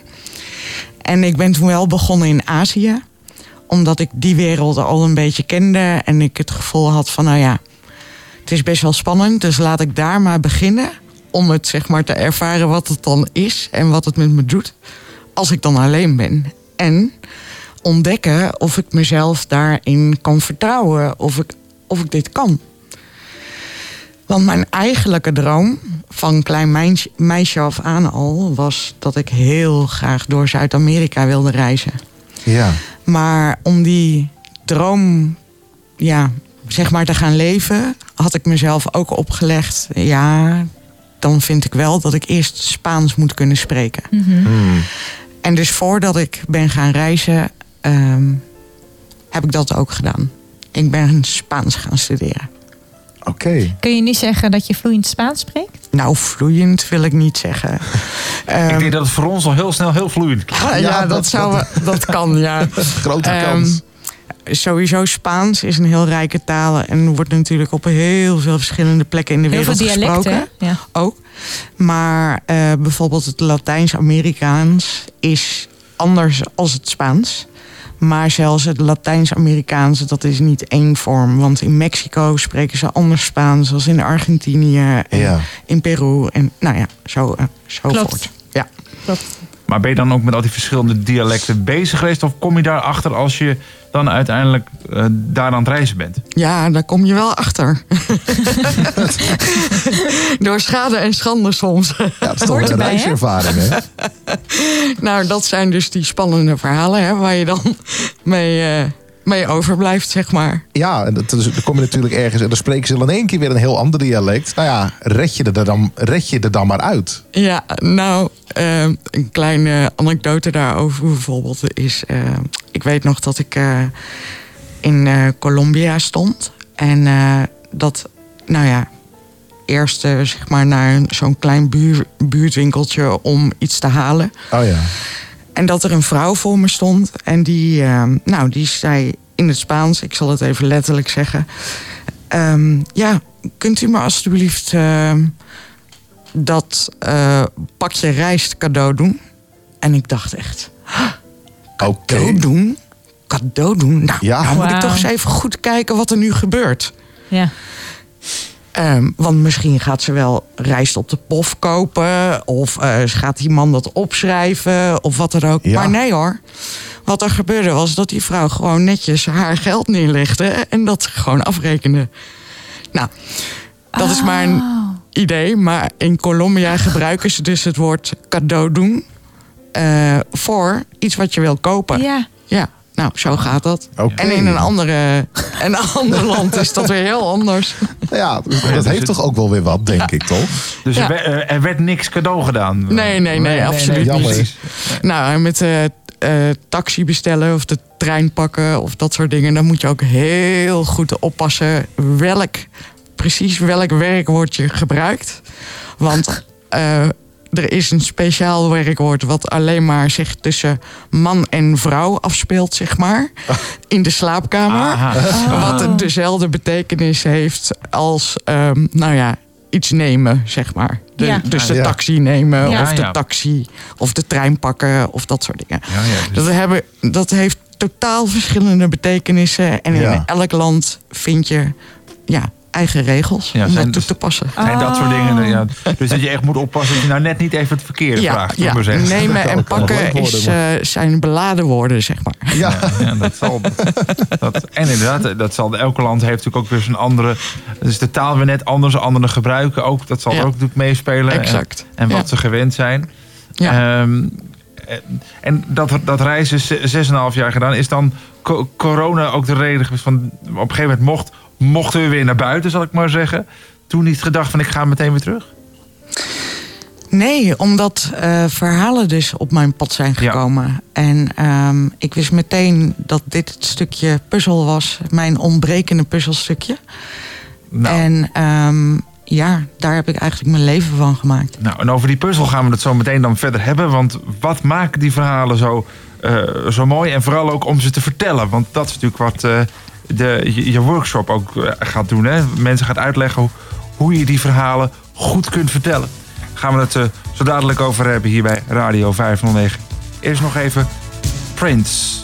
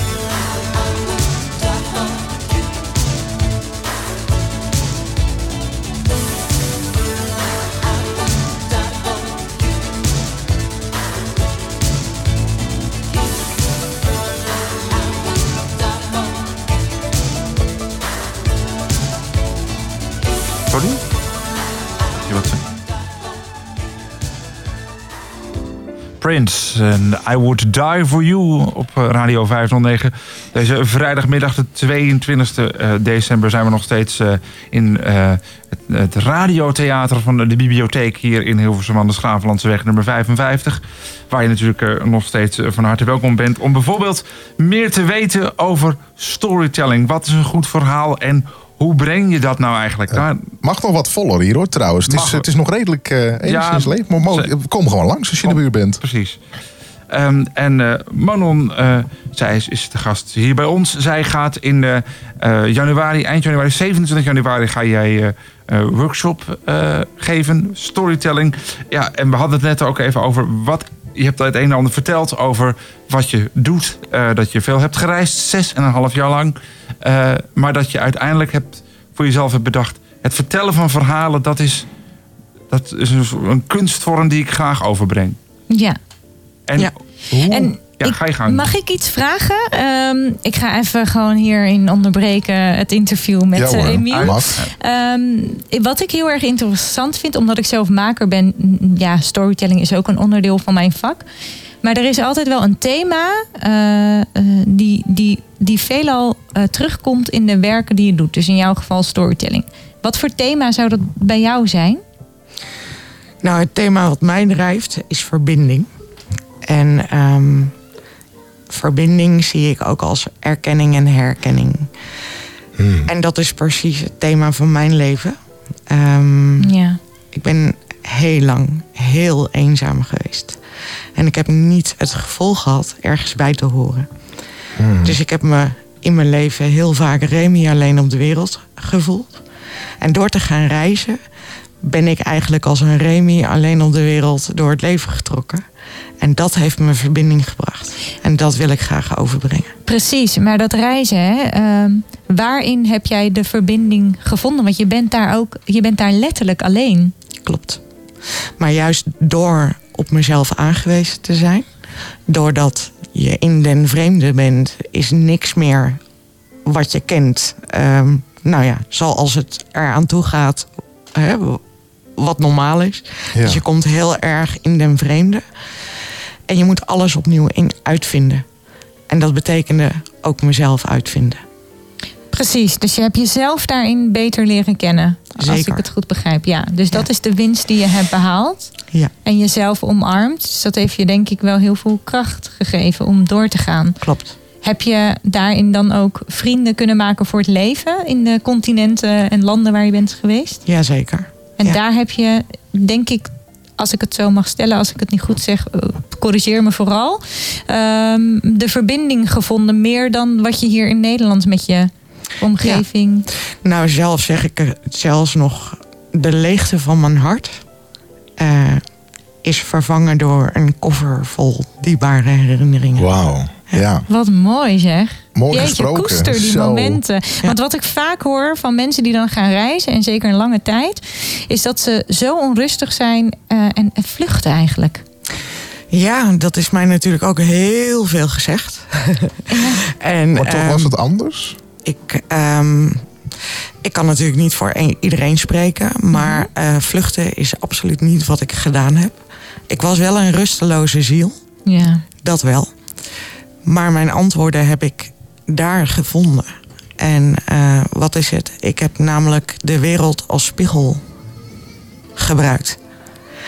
En ik ben naar alle landen geweest. Hè, want eerder was daar ook een vraag over van... nou ja, welke landen heb je nou gekozen? Ik heb de landen gekozen waar veel trauma was. eh, Cultureel. Ehm, bijvoorbeeld genocide in Cambodja. Ja. eh, oorlog in Laos, in Vietnam. Maar ook eh, Maleisië, waar ja, stukken Nederlandse historie ook liggen. Thailand, waar juist niks gebeurde. Maar in Zuid-Amerika, nou ja, en in Midden-Amerika, al die landen Armoede. waar slavernij ook is geweest. Ja. En ehm, waar geweld is en armoede en conflicten. Ja, en dat heb ik allemaal als spiegel aangekeken. Om ehm, dat op te halen, of stukjes van mijzelf op te halen. En stukjes van mijn geschiedenis te verwerken. Wauw, fantastisch. Ja, Dit is dus die urgentie waarom je eigenlijk nu storytelling doet. Ja. Dat is, eh, En dat is dus de ontbrekende puzzel van story, nou ja, van, van vertelkunst. Kijk, vertellen is hartstikke leuk. Maar Mhm. eh, vertellen werkt niet als je tegen jezelf staat aan te kletsen en de muren alleen maar luisteren. Want Mhm. eh, dan is er geen interactie. Nee. Dus vertellen voor een verteller is er ook een luisteraar nodig. mhm. Ja. En ehm, in, in het vertellen, wat het voor mij is, vertellen, de kracht van verhalen is dat het verbindt. Mhm. Het is eigenlijk een stukje cement, zeg maar, wat, wat je tussen mensen smeet. En de kracht van vertellen is ook dat je leert eh, de ander mee op reis te nemen in jouw belevingswereld Mhm. waardoor die ander je nabij kan komen, hè, de luisteraar. Ehm, waardoor die eigenlijk een ander perspectief leert kennen. Ja, of die herkenning, Jou. die erkenning krijgt. Precies. Maar ik hoorde toevallig, zat ik hier al even en toen hoorde ik jouw verhaal ook. Ja. Ehm, een stukje in ieder geval. En precies dat is wat er gebeurt. Op het moment dat jij een verhaal vertelt. En jij laat iets van jouzelf zien, van jouw belevingswereld, hoe jij het hebt ervaren. Dan kan het niet anders dan dat de luisteraar, die luistert naar jou, dat die bepaalde herinneringen ehm, terugkrijgt van zijn eigen leven. Mhm. En dat hij zich herkent in dat stukje wat ons allebei mens maakt. Precies. En dat is het mooie. Dus verhalen hebben de kracht om mensen te verbinden. Omdat je meegenomen wordt in het andere perspectief. En daar tegelijkertijd in die, ja, je komt eigenlijk op een diepere laag. Je komt op de laag samen aan van betekenis, van gevoelens, van al die dingen die ons mens maken. Ja, mooi. Dat zeg je heel Ja. mooi. Ja. En daar ontstaat herkenning en erkenning. En dat verandert alles. Want wij mensen zijn niet gemaakt om alleen te zijn. Nee, zeker Wij niet. mensen willen erbij horen. Het gevoel hebben ertoe te doen. En ook nu zeker met, met de feestdagen in het eh, vooruitzicht. Ja. En hoe vertaal je dat nou naar je workshop? Nou, in mijn workshops ga ik juist op zoek eh, met mensen. Ik laat ze vertel, kleine verteloefeningetjes doen. ehm, die de creativiteit en de, die de verbeelding stimuleren. Want elk mens is een vat vol verhalen. Alleen het meeste ehm, hebben we veronachtzaamd. Dus het is, nou ja, eigenlijk alle verteloefeningen die maken dat je je eigen verhalen en al die dingen, nou ja, de leukere dingetjes, maar ook de mindere dingetjes misschien, die dan in ieder geval weer boven komen drijven. Waardoor je je eigen verhalen weer kunt herinneren. Hoe ziet zo'n oefeningetje er dan precies uit? Want eh, je geeft aan, ik, ik laat ze meerdere van die oefeningetjes doen. Hoe ziet het er precies uit? Hoe gaat het in zijn werk? Nou, ehm, even denken. Ehm, in mijn eh, workshops ga ik natuurlijk eerst beginnen met een mooie kennismaking. En ehm, bijvoorbeeld een, een hele leuke opdracht, die ik zelf in ieder geval heel prettig vind, is een opdracht en die heet De Geheime Instructie. En wat ik dan vraag is een vrijwilliger uit de groep. En die geef ik een vraag. En ik zal maar zeggen, nou, een vraag bijvoorbeeld. Nou, selecteer alle mensen. Dus laat vraag alle mensen op te staan waarvan jij denkt dat ze een huisdier hebben. Nou, dan komen er natuurlijk, dan gaan er mensen opstaan hè, op basis van degene die selecteert. En op basis daarvan ehm, later wordt er dus gezegd, nou ja, mijn vraag was, en mijn opdracht was, om alle mensen te, op te laten staan Ja. waarvan ik denk Dat ze een dat ze een huisdier huisdier hebben. hebben. Oké, en, en wijst die persoon ze dan ook gewoon aan van sta jij maar op, sta jij maar op? Precies. Of, Oké. ze, of ze vragen, wil je alsjeblieft opstaan? Ja, oké, maar ze maar mogen de opdracht neer, niet dus. verkloppen, verklappen. Oké, dus Maar ze goed. zegt, wel, dat, dat klinkt wel dus, interessant. Ja. dus degene En die dan... daarna ga je dus eh, met elkaar in gesprek. hey, nou, dit was mijn opdracht. Ik denk dat jij een huisdier hebt. Klopt dat? Vertel er eens wat nou, over. vertel er eens wat over. Brand heb je een huisdier? Zo ja, wat voor huisdier heb je? Ehm, oh, je hebt geen huisdier. Dan betrap je jezelf eigenlijk op je vooroordeel wat je hebt. van Precies. En Ja. dat is nou precies de kracht van die opdracht. Want ehm, het, ja, het confronteert je met het feit... hé, hey, wij hebben altijd... maken wij een beeldvorming Ja. van de ander... En dat hoeft helemaal niet te kloppen. En nou is de kracht daarvan om het juist uit te vragen en daarover het gesprek aan te gaan. Nou, en dat is wat ik dus doe met storytelling eigenlijk. Ik neem je mee op reis. Dat je dat soort dingen bewust wordt over wat zit er nou allemaal achter en wat. Nou ja, er zitten heel veel dingen die zijn bekend. Hè? Die kun je zien van elkaar uiterlijk. Maar het gaat nou juist over dat wat je niet concreet kan zien, maar wat er wel is. Wat goed, want eh, je benadert eigenlijk een vooroordeel hebben op een positieve manier. Je ontkracht het niet. Je zegt niet tegen mensen dat is niet goed. Maar het is, je mag een vooroordeel hebben, maar ga daar ook dan over in gesprek. en bewust mee om. Want je kan, dat, je kan het namelijk ook gebruiken als een middel om je boodschappen over te brengen. Ja, absoluut. En om juist invloed uit te brengen, of eh, invloed te hebben op hoe je een relatie opbouwt. Precies, ja. Ja, want is dat dan Mooi. ook het, dat, dat mensen voor zichzelf daar ook meer inzicht in krijgen van oké, hoe doe ik dat? En durf, durf ik ook bijvoorbeeld mijn verhaal te vertellen? Aisha vertelt nu haar verhaal, maar eh, ik denk als we, als we jou 15 jaar geleden hetzelfde vraag gesteld hadden, Aisha, van goh, wat, is er, wat, wat maak je allemaal mee? Wat is er met jou aan de hand? Had je waarschijnlijk of niet gereageerd of heel anders. Nou, ik zeg, er is helemaal niks aan de hand. Ik leef mijn leven zoals ik dat wil.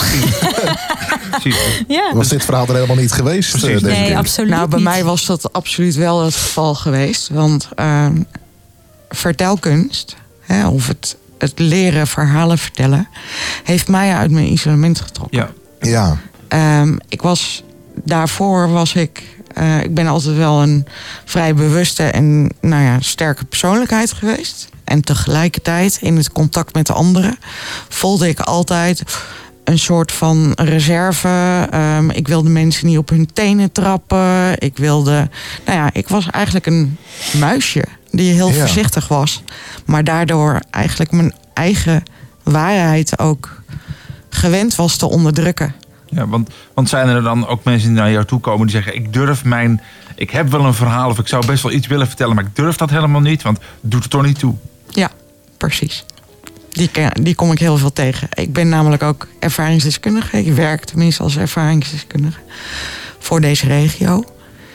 En eh, juist mensen die heel wat hebben meegemaakt, die hebben vaak de behoefte om hun verhaal te vertellen en naar buiten te brengen, omdat ze een belangrijke boodschap hebben om Ja. aan de wereld mee te geven. Maar ja, dan ja, gaat het erover heb om je eigen podium? stemgeluid te vinden. En dat is wat mij betreft waar het om gaat bij vertellen en bij storytelling. Het is namelijk een manier om je eigen waarheid te leren spreken. ja.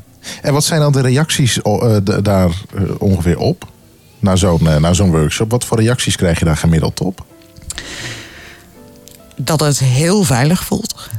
Dat het heel leuk is. Ehm, dat het eigenlijk wel eens een beetje de leukste manier is om jezelf te ontwikkelen. En ehm, dat het vaak zo verbaast ehm, dat mensen zo snel al het gevoel hebben dat ze elkaar kennen. Ja. Dat Ja. ze elkaar kennen, terwijl dat helemaal niet het geval hoeft te zijn. Nee. Nee. Maar Want ik kan me dat is, dat is de kracht van verhalen. de her- ook de herkenbaarheid misschien van Exact. situaties. Ja. Ja. Nou, wil ik zo meteen wel van je weten of dat nou altijd eh, eh, echt persoonlijke verhalen moeten zijn. Of dat het bij wijze van spreken ook een verzonnen verhaal zou mogen zijn. Want dat kan natuurlijk ook. Ik bedoel, we hebben het hier nu over dingen die we zelf meemaken. Maar dat eh, kan natuurlijk ook iets heel anders. En daar gaan we zo meteen nog even over, over doorpraten hier op Radio 509. Maar eerst Arcade Fire.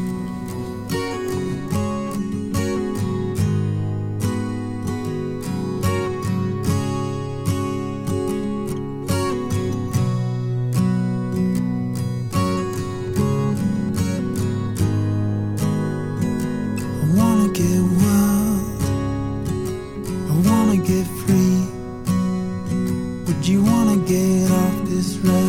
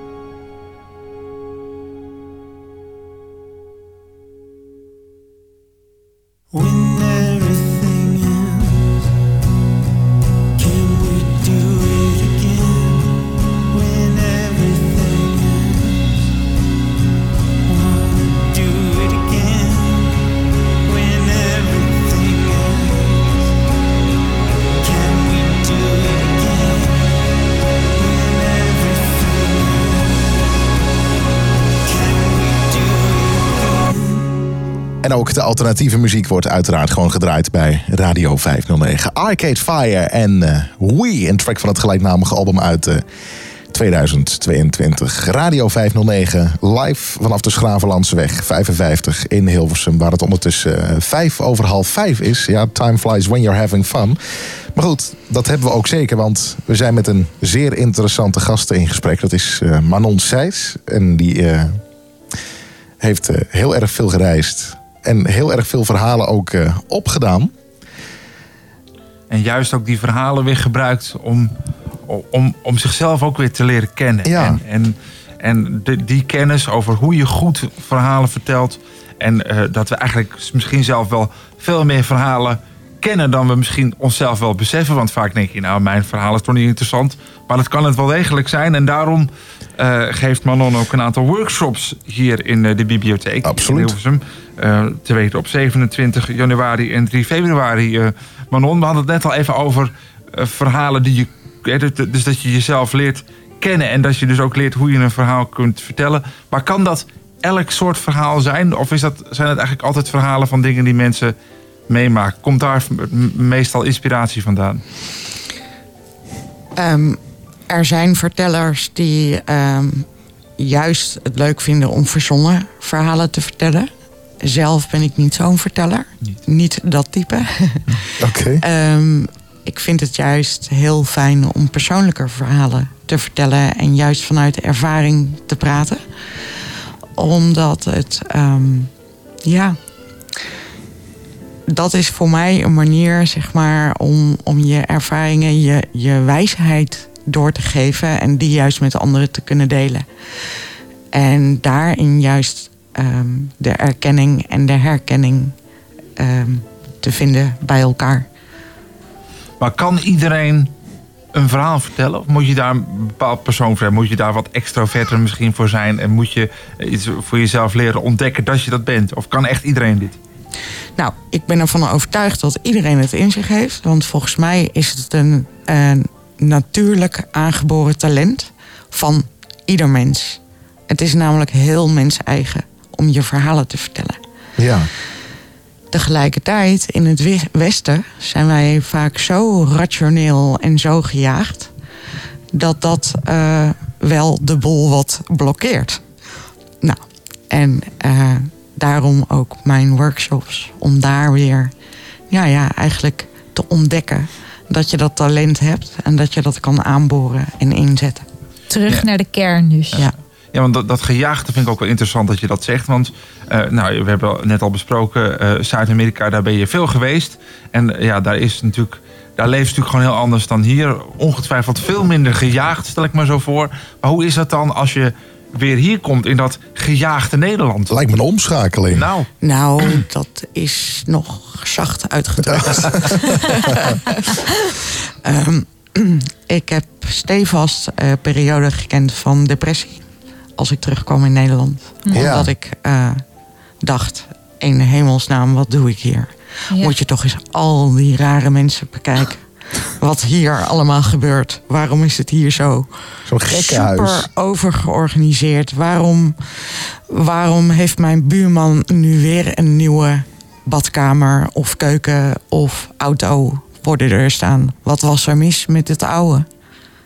Ja, dus eigenlijk was het van laat het, laat het georganiseerde een beetje los. Is dat eigenlijk de boodschap die we hier eh, een beetje uit kunnen halen? Ja, maar ook het materialistische hier Ja. is eh, iets wat ik, eh, ja, waar ik me moeilijk mee kan, ver- moeilijk toe kan verhouden, moet ik zeggen. Want dat zijn we natuurlijk wel gewoon heel erg eh, materialistisch. Absoluut. Ja. En dat is, eh, nou ja, wat vooral ook in Azië, zeg maar, mij is bijgebleven. Dat de mensen daar met zoveel eenvoud leven. En dat eh, juist dat het, eh, het leven vaak heel mooi maakt. Juist die ja, simplicity, die, die eenvoud.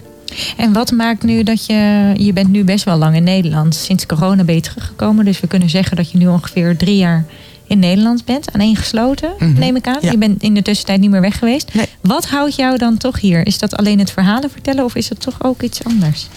Nou, ik werk dus eh, tweeledig. Ik, werk, en ik ben sinds 18 jaar ook weer werknemer geworden. Namelijk dit verhaal, zeg maar, of het verhaal was waarmee ik mensen nu begeleid. ehm, in hun herstelproces. Dus mijn Ja. eigen worstelingen, mijn eigen zoektocht naar identiteit. Daarin begeleid ik nu anderen. En dat doe ik in de rol van ervaringsdeskundige voor de regio Gooien en Vechtstreek. Ja. Dus daarin werk ik met eh, verhalen, met mensen. Ja. Ehm, maar dat is dan vooral herstelgericht. En daarnaast werk, geef ik dus als zelfstandige storytelling workshops. Zingevende storytelling workshops noem ik ze. Mhm.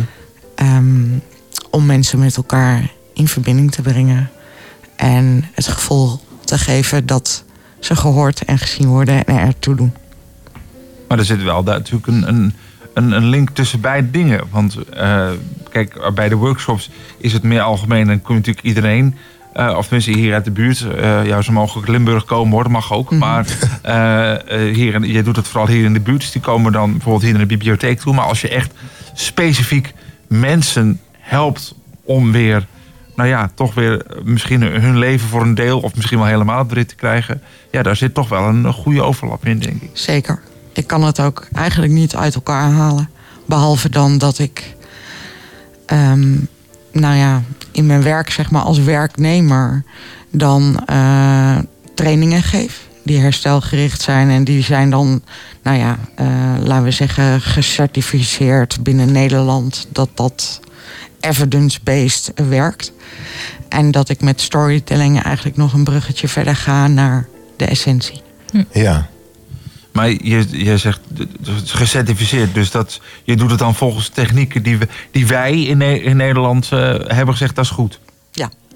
Maar misschien zijn er ook, bewezen is. hè? ja, maar misschien zijn er ook wel manieren uit eh, Zuid-Amerika die misschien wat minder goed bewezen zijn hier, Ja. die je ook zou kunnen toepassen. Ik bedoel, gecertificeerd wil niet altijd meteen zeggen dat dat het enige is. Nee, absoluut niet. En eh, om, je heel, om heel eerlijk te zijn, eh, die storytelling methodieken die ik gebruik, die zijn ook evidence-based. Ehm, die komen ook niet uit de lucht gegrepen. Alleen, ehm, het is ja, in Nederland nog veel minder bekend. Het is een beetje onbekend maakt onbemind. Ja. Men begrijpt grosso modo misschien nog niet helemaal wat de kern van verbinding nou is. Hoe je dat nou tot stand kan brengen. Dan wordt het een beetje vaag voor iedereen. Ja, en, en dat, dat probeer jij duidelijk te, en te laten zien van jongens, dat ook al denk je misschien het is allemaal een beetje vaag, uiteindelijk komt het goed. Ja, het is voor mij juist heel concreet en heel tastbaar. Maar tegelijkertijd, tuurlijk, ehm, het gaat over het contact maken met je eigen belevingswereld. En die ja, in je verhaal naar buiten brengen. Waardoor de ander je ook kan begrijpen. Ja, want dat is vaak wat er mist. Nou, daar hoeven wij denk ik ook ons. Dat komen wij natuurlijk ook regelmatig tegen. Omdat we natuurlijk eh, Bram, Ayseko en ik zien. We zien allemaal wat minder. Ja. En onbegrip kom je nog wel eens tegen. Nou, nog wel is. Heel vaak, hè? Ik, ik denk, ik breng hem voorzichtig, eh, Bram. Nee, ja, nee, ik kom er meteen in. Ik denk dat het vaker gebeurt dan ons lief is. Maar ja, zeker. Nou, en niet dat alleen als je ik niks dus ziet. ook, eh, Maar wat, wat, zou, wat zou je dan kunnen doen? eh, eh, we kijken ook naar, jou, Bram, bijvoorbeeld. Om je verhaal. Zou je verhaal misschien nog anders kunnen vertellen. om het voor mensen nog meer begrijpelijker te maken? Ja, ik, ik denk ook gewoon het, het, het blijven vertellen. Niet één keer vertellen, maar het gewoon blijven herhalen. Een heel mooi voorbeeld, eh, bijvoorbeeld om dat begrip in stand te houden, was eh, vanmiddag. Wij, wij, wij hadden, ik, ik wilde afrekenen. En eh, wat was er nou? Er was, eh, ze kwamen aan de tafel met een touchscreen pinautomaat. Nou, nou kun je natuurlijk zeggen, oké, ik regel het even met, eh, met iemand anders. Maar goed, daar gaat het me niet om, weet je wel. Ik, ik wil dit gewoon zelf kunnen doen. Dus ook gewoon op zo'n moment het, verhaal blijven vertellen. Van ja, maar dit is, dit is niet. Qua toegankelijkheid werkt dit niet. Weet je wel, ook, al- en dat ook gewoon blijven doen. Niet, eh, niet één keertje roepen. Maar gewoon blijven herhalen als je tegenkomt. Want hoe meer je zoiets herhaalt, hoe meer eh, die bewustwording ook eh, groeit. Dus hoe meer mensen zich, zich ook gaan realiseren. Wacht eens even, misschien is dat, eh, dat toch niet zo handig. Het is nog goed gekomen hoor, vanmiddag. Dat, dat even ter. Je mocht gewoon het, pa- het, het restaurant uit, want ja hoor, we mochten zonder problemen Oh, het pand verlaten. Heel fijn. Maar, want er was, nog een, er was gelukkig nog een niet-touchscreen pinautomaat. Maar het is ook echt wel eens gebeurd dat, het, ehm, dat, ik, dat ik het op een andere manier moest oplossen. Helaas. Het doet mij denken aan eh, iets wat ik zelf eh, ehm, nou, wel een grappige anekdote vind uit eh, mijn reizen. En over cultuurverschillen die ons soms ook in de weg kunnen zitten. Ehm, nou ja, jullie hebben gehoord, ik heb Spaans gestudeerd. En Ja. ehm, mijn naam ehm, op het eind schrijf je met een N, Manon. Maar als je de laatste letter weghaalt, dan ontstaat er mano. En dat betekent in het Spaans hand. Ach. Nou, ik had hartstikke goed voorgenomen. Ik denk, ik ga dit gebruiken. Ik ga me voortaan voorstellen als mano in het Spaans. Ja. En ehm, wat gebeurde er? Elke keer als ik dat deed, stond er iemand tegenover me met een blik alsof hij water zag branden. Van hoezo noemen jouw ouders jouw hand? ja. Ja, precies. Nou, maar ik dacht aanvankelijk, ik denk, oh, het ligt vast aan mijn uitspraak. Ik kan het gewoon nog niet goed. Dus precies. ik bleef verbeteren. Hè? en mano. En nou ja, dat soort dingen. Dat je met de klemtoon spelen, zeg maar. Ja. Maar eh, het schoot niet op. Ehm, het ik kreeg dezelfde reactie. En op een goed moment ehm, herinnerde ik me een les van, eh, nou ja, een, een, een wijze les van eh, mijn leraar Spaans. Die zei, weet je, je hebt nu alle grammatica-regels. Maar eh, het gaat erom dat je blijft proberen. Ja. Want eigenlijk als je nieuwe talen leert, is het net als pingpongen. Je moet zorgen dat die bal over het net komt. Ja. Nou, en ik herinner me dat en ik dacht, ah, zo ga ik het volgende keer aanpakken. ik ga mijn bal over het net proberen te krijgen.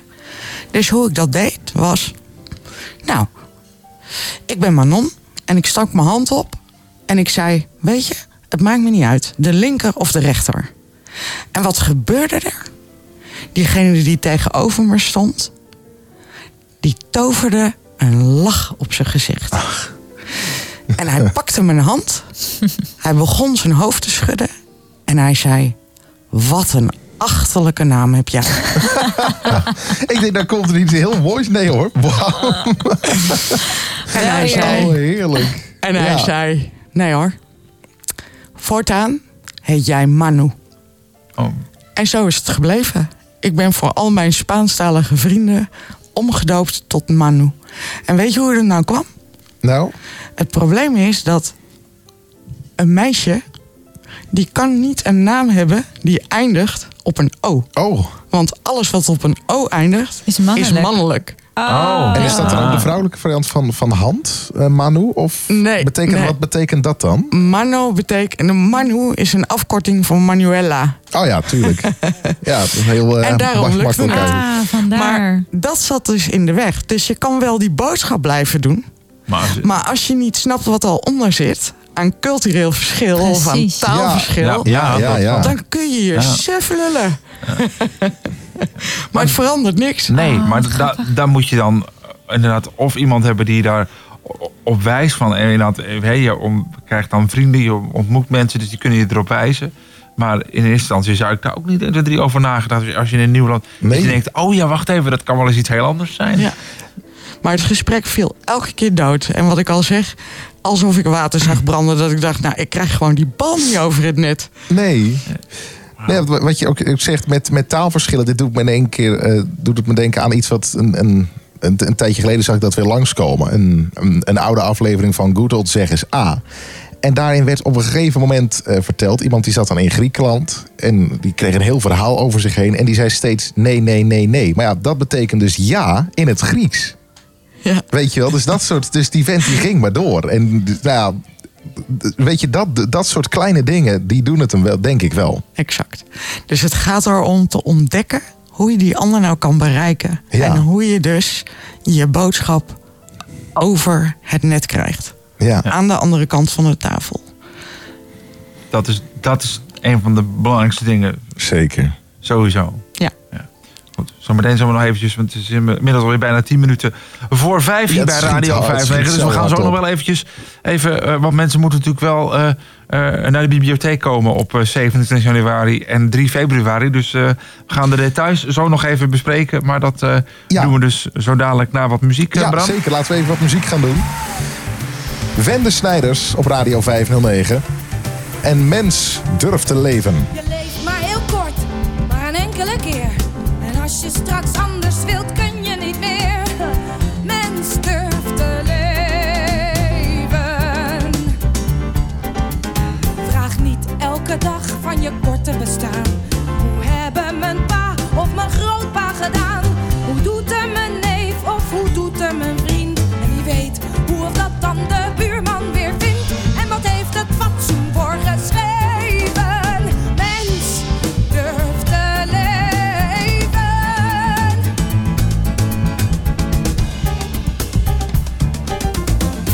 Mensen, ze schrijven je leefregels voor. Ze geven je raad en ze roepen in koor. Zo moet je leven. Met die mag je omgaan, maar die is te min. En die moet je trouwen, al heb je geen zin. En daar moet je wonen, dat eist je fatsoen. En je wordt genegeerd als je het anders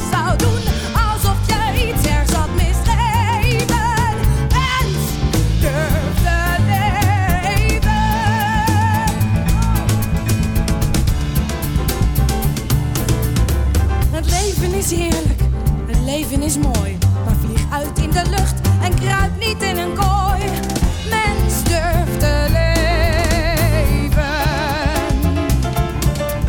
Je kop in de hoogte, je neus in de wind. en lap aan je laars, wat een ander dan vindt. Al een hart vol van warmte en van liefde in je borst. Maar wees op je vierkante leven.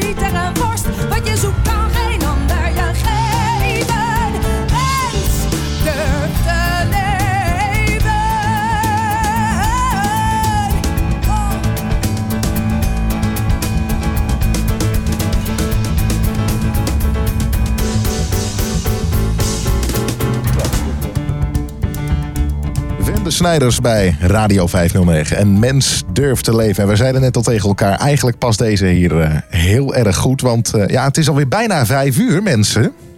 Ja, Het zeker. schiet, eh, het schiet al heel erg hard op. En verhalen vormen de, de boventoon in deze twee uur die we hier aan het maken zijn. Ja, ook in het vorige uur. hè? Zeker. Absoluut. Het is een, eigenlijk de leidraad van vandaag. Ja, met eh Aisha Gugaraja, theatermaker, zangeres, documentairemaker. Wat ben je eigenlijk niet? Veelzij- Dat ben ik niet, heel ja. veelzijdig mens, absoluut. Ik raak snel verveeld, hè. Dus, eh, nou, we zijn er net al. waar, zeker niet. We, we zijn er nog. We kunnen, je zou ook zo interviewer kunnen zijn. Ja, dus nee, maar dat oprecht. Want jij had het, het afgelopen uur eh, heb jij echt wel ontpopt als iemand die ook hele scherpe gerichte vragen kan stellen. Dus daar toch ook wel even hier gewoon opzenden. De complimenten voor. dankjewel. Ja, Heel dat, erg dat deed je echt heel erg goed. Ik denk, ik hou gewoon zoveel mogelijk mijn klep dicht. Ja, dat komt wel goed. Ik kan naar huis.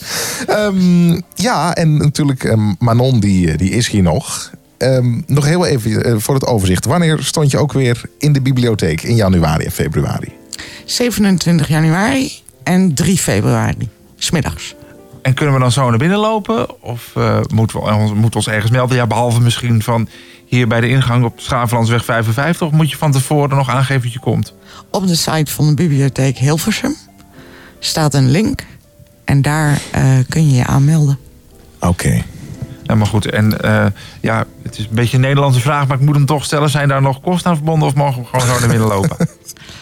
Er zijn wel kosten aan verbonden. Ik meen uit mijn hoofd 70 euro. Voor die twee dagen. Maar het is dubbel en dwars waard. Ik wou zeggen, dat, dat moet het toch wel waard zijn, ja. Mhm. Ja, want het is twee, het is twee dagen. Dus, dan, dus, het, dus het heeft ook echt een, dan nog een, een vervolg op die eh 3 februari. Oké. Hartstikke goed. Dus dat we beginnen dus op 27 januari. Dan is eh, de eerste. En nogmaals, aanmelden via de website van de, de bibliotheek hier in Hilversum is dan eh, eh, het makkelijkste. En dan gaan we ook nog even naar... eh Nice, Aisje, want ja, we hebben het wel heel erg over 2023 gehad, wat er allemaal eh, gebeurd is. Maar wat gaat Ja, er wat nog ga je gebeuren? doen? Wat- Ja, wat ga je doen? Oh, echt. Ik dacht dat 23 een bewogen jaar zou zijn. Ik weet maar 24. Wat, mijn, wat er nu in mijn planning staat, staan twee theaterproducties en een opname voor een serie. Eh, en één theaterproductie is weer, wederom mijn eigen productie. Mijn derde solovoorstelling die ik ga toeren vanaf eind maart en de maand april. De Oh. Wraak van A. Ja, ik wil zeggen, hoe heet die? De wraak van A. De Dat, eh, wraak van A. A gaat wraak nemen, jongens. Klinkt moordlustig. Ja, eh. en kan je er al iets over zeggen? Of zeg je nee, ik ben er nog helemaal, ik zit er nog helemaal in. En, Nou ja, het gaat zeg maar. ehm, de voorstelling. Eh, ik ben geïnspireerd geraakt door het verhaal van Antigone van Sophocles. Een oud Grieks mythologisch verhaal. Ja. En Antigone is eigenlijk het eerste eh Grieks personage, vrouwelijke Griekse personage geweest die tegen de mannenwetten, de regel, eh, heerser wereld inging. Van, hè, ze heeft twee broers. En één broer die had niet meer het recht om begraven te worden. Dus hij lag gewoon op aarde. En die moest maar opgegeten worden door ongedierte en opgeslokt Oh. door. En die andere broer werd begraven. En Antigone zei: Nee, nee. Hoe slecht of goed een mens ook is, ieder verdient een graf. Dus zij als vrouw ging haar eigen broer proberen te. Ze, ze is er twee keer eh, mee weggekomen. Eh, haar broer is twee keer toe ook weer opgegraven. Maar de derde keer liepen de emoties zo hoog dat ze heel veel geluid maakte bij het begraven. En is ze gesnapt door eh, Heres. He- hoe heet die? ja. Vraag me echt niet de godennamen. Ik raak ze allemaal in de war. Maar hij, ze, is- betrapt in elk is- geval. Ze is betrapt en toen is zij vermoord. Oké. Want je mag echt niet tegen de wet en regels ingaan. Dus zij heeft eigenlijk haar leven geofferd voor een graf voor haar broer. En daardoorheen ehm, eh, verweef ik mijn persoonlijke verhaal. En waar ik dus voor ga strijden en tegen inga, tegen de mannencultuur, laat ik even in het midden. En als je dat wil weten, dan zou ik zeggen: kom Van- naar een van de theaters van Nederland. Ik eind ga erbij maart, zijn. April. Absoluut, ik ga daar naartoe. Ja. Helemaal. Dus dat, eh, nou, dus dat is eh, gewoon nog eh, druk de komende maanden. En dan, Jij eh, zit niet stil, nee. nee, Nee, en ook nog, nee. Daarna en dan- nog een andere voorstelling. Dat is niet mijn eigen voorstelling. eh, maar Chicken Haal Haal van het Volksoperahuis. Die Ah, ik ja. al een aantal jaren doe. Dat is een theaterserie. Dus elke week een nieuwe aflevering. En dan zes weken lang. En die spelen we in vier steden. In Purmerend, Almere, Utrecht en Rotterdam. Dus als je dat leuk vinden, dan eh, zijn jullie van harte welkom. En elke aflevering duurt ongeveer 40 minuten. En eh, daar beginnen we mee, eh, dan moet ik het goed zeggen, begin mei. En ja, die serie opnames en wanneer die uitgifte is, dat weet ik allemaal niet. Dus dat, eh, dat is voor een nadere orde. Moeten ze jou eigenlijk even volgen op de socials. eh, voor Ja, dat soort zeker, details. Want je bent overal te volgen, toch? Nou ja, ik ben overal te volgen, maar ik moet wel zeggen dat ik eh, voornamelijk actief ben op Instagram. Ehm, ja, dat, dat leeft gewoon meer onder, onder de generatie Voor van onze mij. generatie, ja. ja. maar ik deel zeker ook wel werkgerelateerde dingen op Facebook. Dus die twee zijn misschien wel heel belangrijk als jullie willen Absoluut. weten eh, waar ik uithang. Nou, nu, nu, nu hier vandaag. nu hier, Maar, inderdaad. Ja, maar het zit er eh, bijna op. Ja. Het is, eh eh het theater We gaan de kerstdagen in. gaat, bijna, gaat bijna dicht. Zie ze ook al kijken van jongens, kom op. Ja, Eh, we we moeten moeten, nog schoonmaken. We willen ook naar huis. We willen ook kerst vieren. Ik snap Ja. dat. Willen ik wij ook. Ik snap dat. Wij gaan Eh, ook kerst vieren. wat gaan we volgende week nog doen, eh Brad? Nou, volgende week gaan we het hebben over eh, het studeren met een functiebeperking. En dan denk je, oké, dat, dat is toch eigenlijk wel vanzelfsprekend? Nee, dat is het helaas nog niet. Er zitten genoeg haken en ogen aan. Er komen een, een aantal ervaringsdeskundigen komen daar uitgebreid over vertellen... die ook helaas op meerdere punten wel zijn vastgelopen. Het uitgebreide verhaal horen we volgende week tussen drie en vijf. Oké, nou ja, dan eh, rest ons. eh, ik wil jullie bedanken voor je komst. Heel graag gedaan. Dus eh Manon, fijn. hartelijk dank. Dank je. En, eh, Goede feestdagen, goede kerstdagen. hè? ja, Ja. en dat eh, wil ik jou als luisteraar van Radio 95 natuurlijk ook toewensen. Fijne dag. En eh, ja, zometeen eh, even muziek en dan, Dan om, mag ik alweer en dan om om zes zes uur. uur. Hij moet even gauw eten en dan is Ja. hij er weer gewoon om zes uur. Ik moet zeggen, het is beter dan, dan de vorige keer. Toen zaten we van 4 tot 6. Toen had ik helemaal geen tijd meer tussendoor.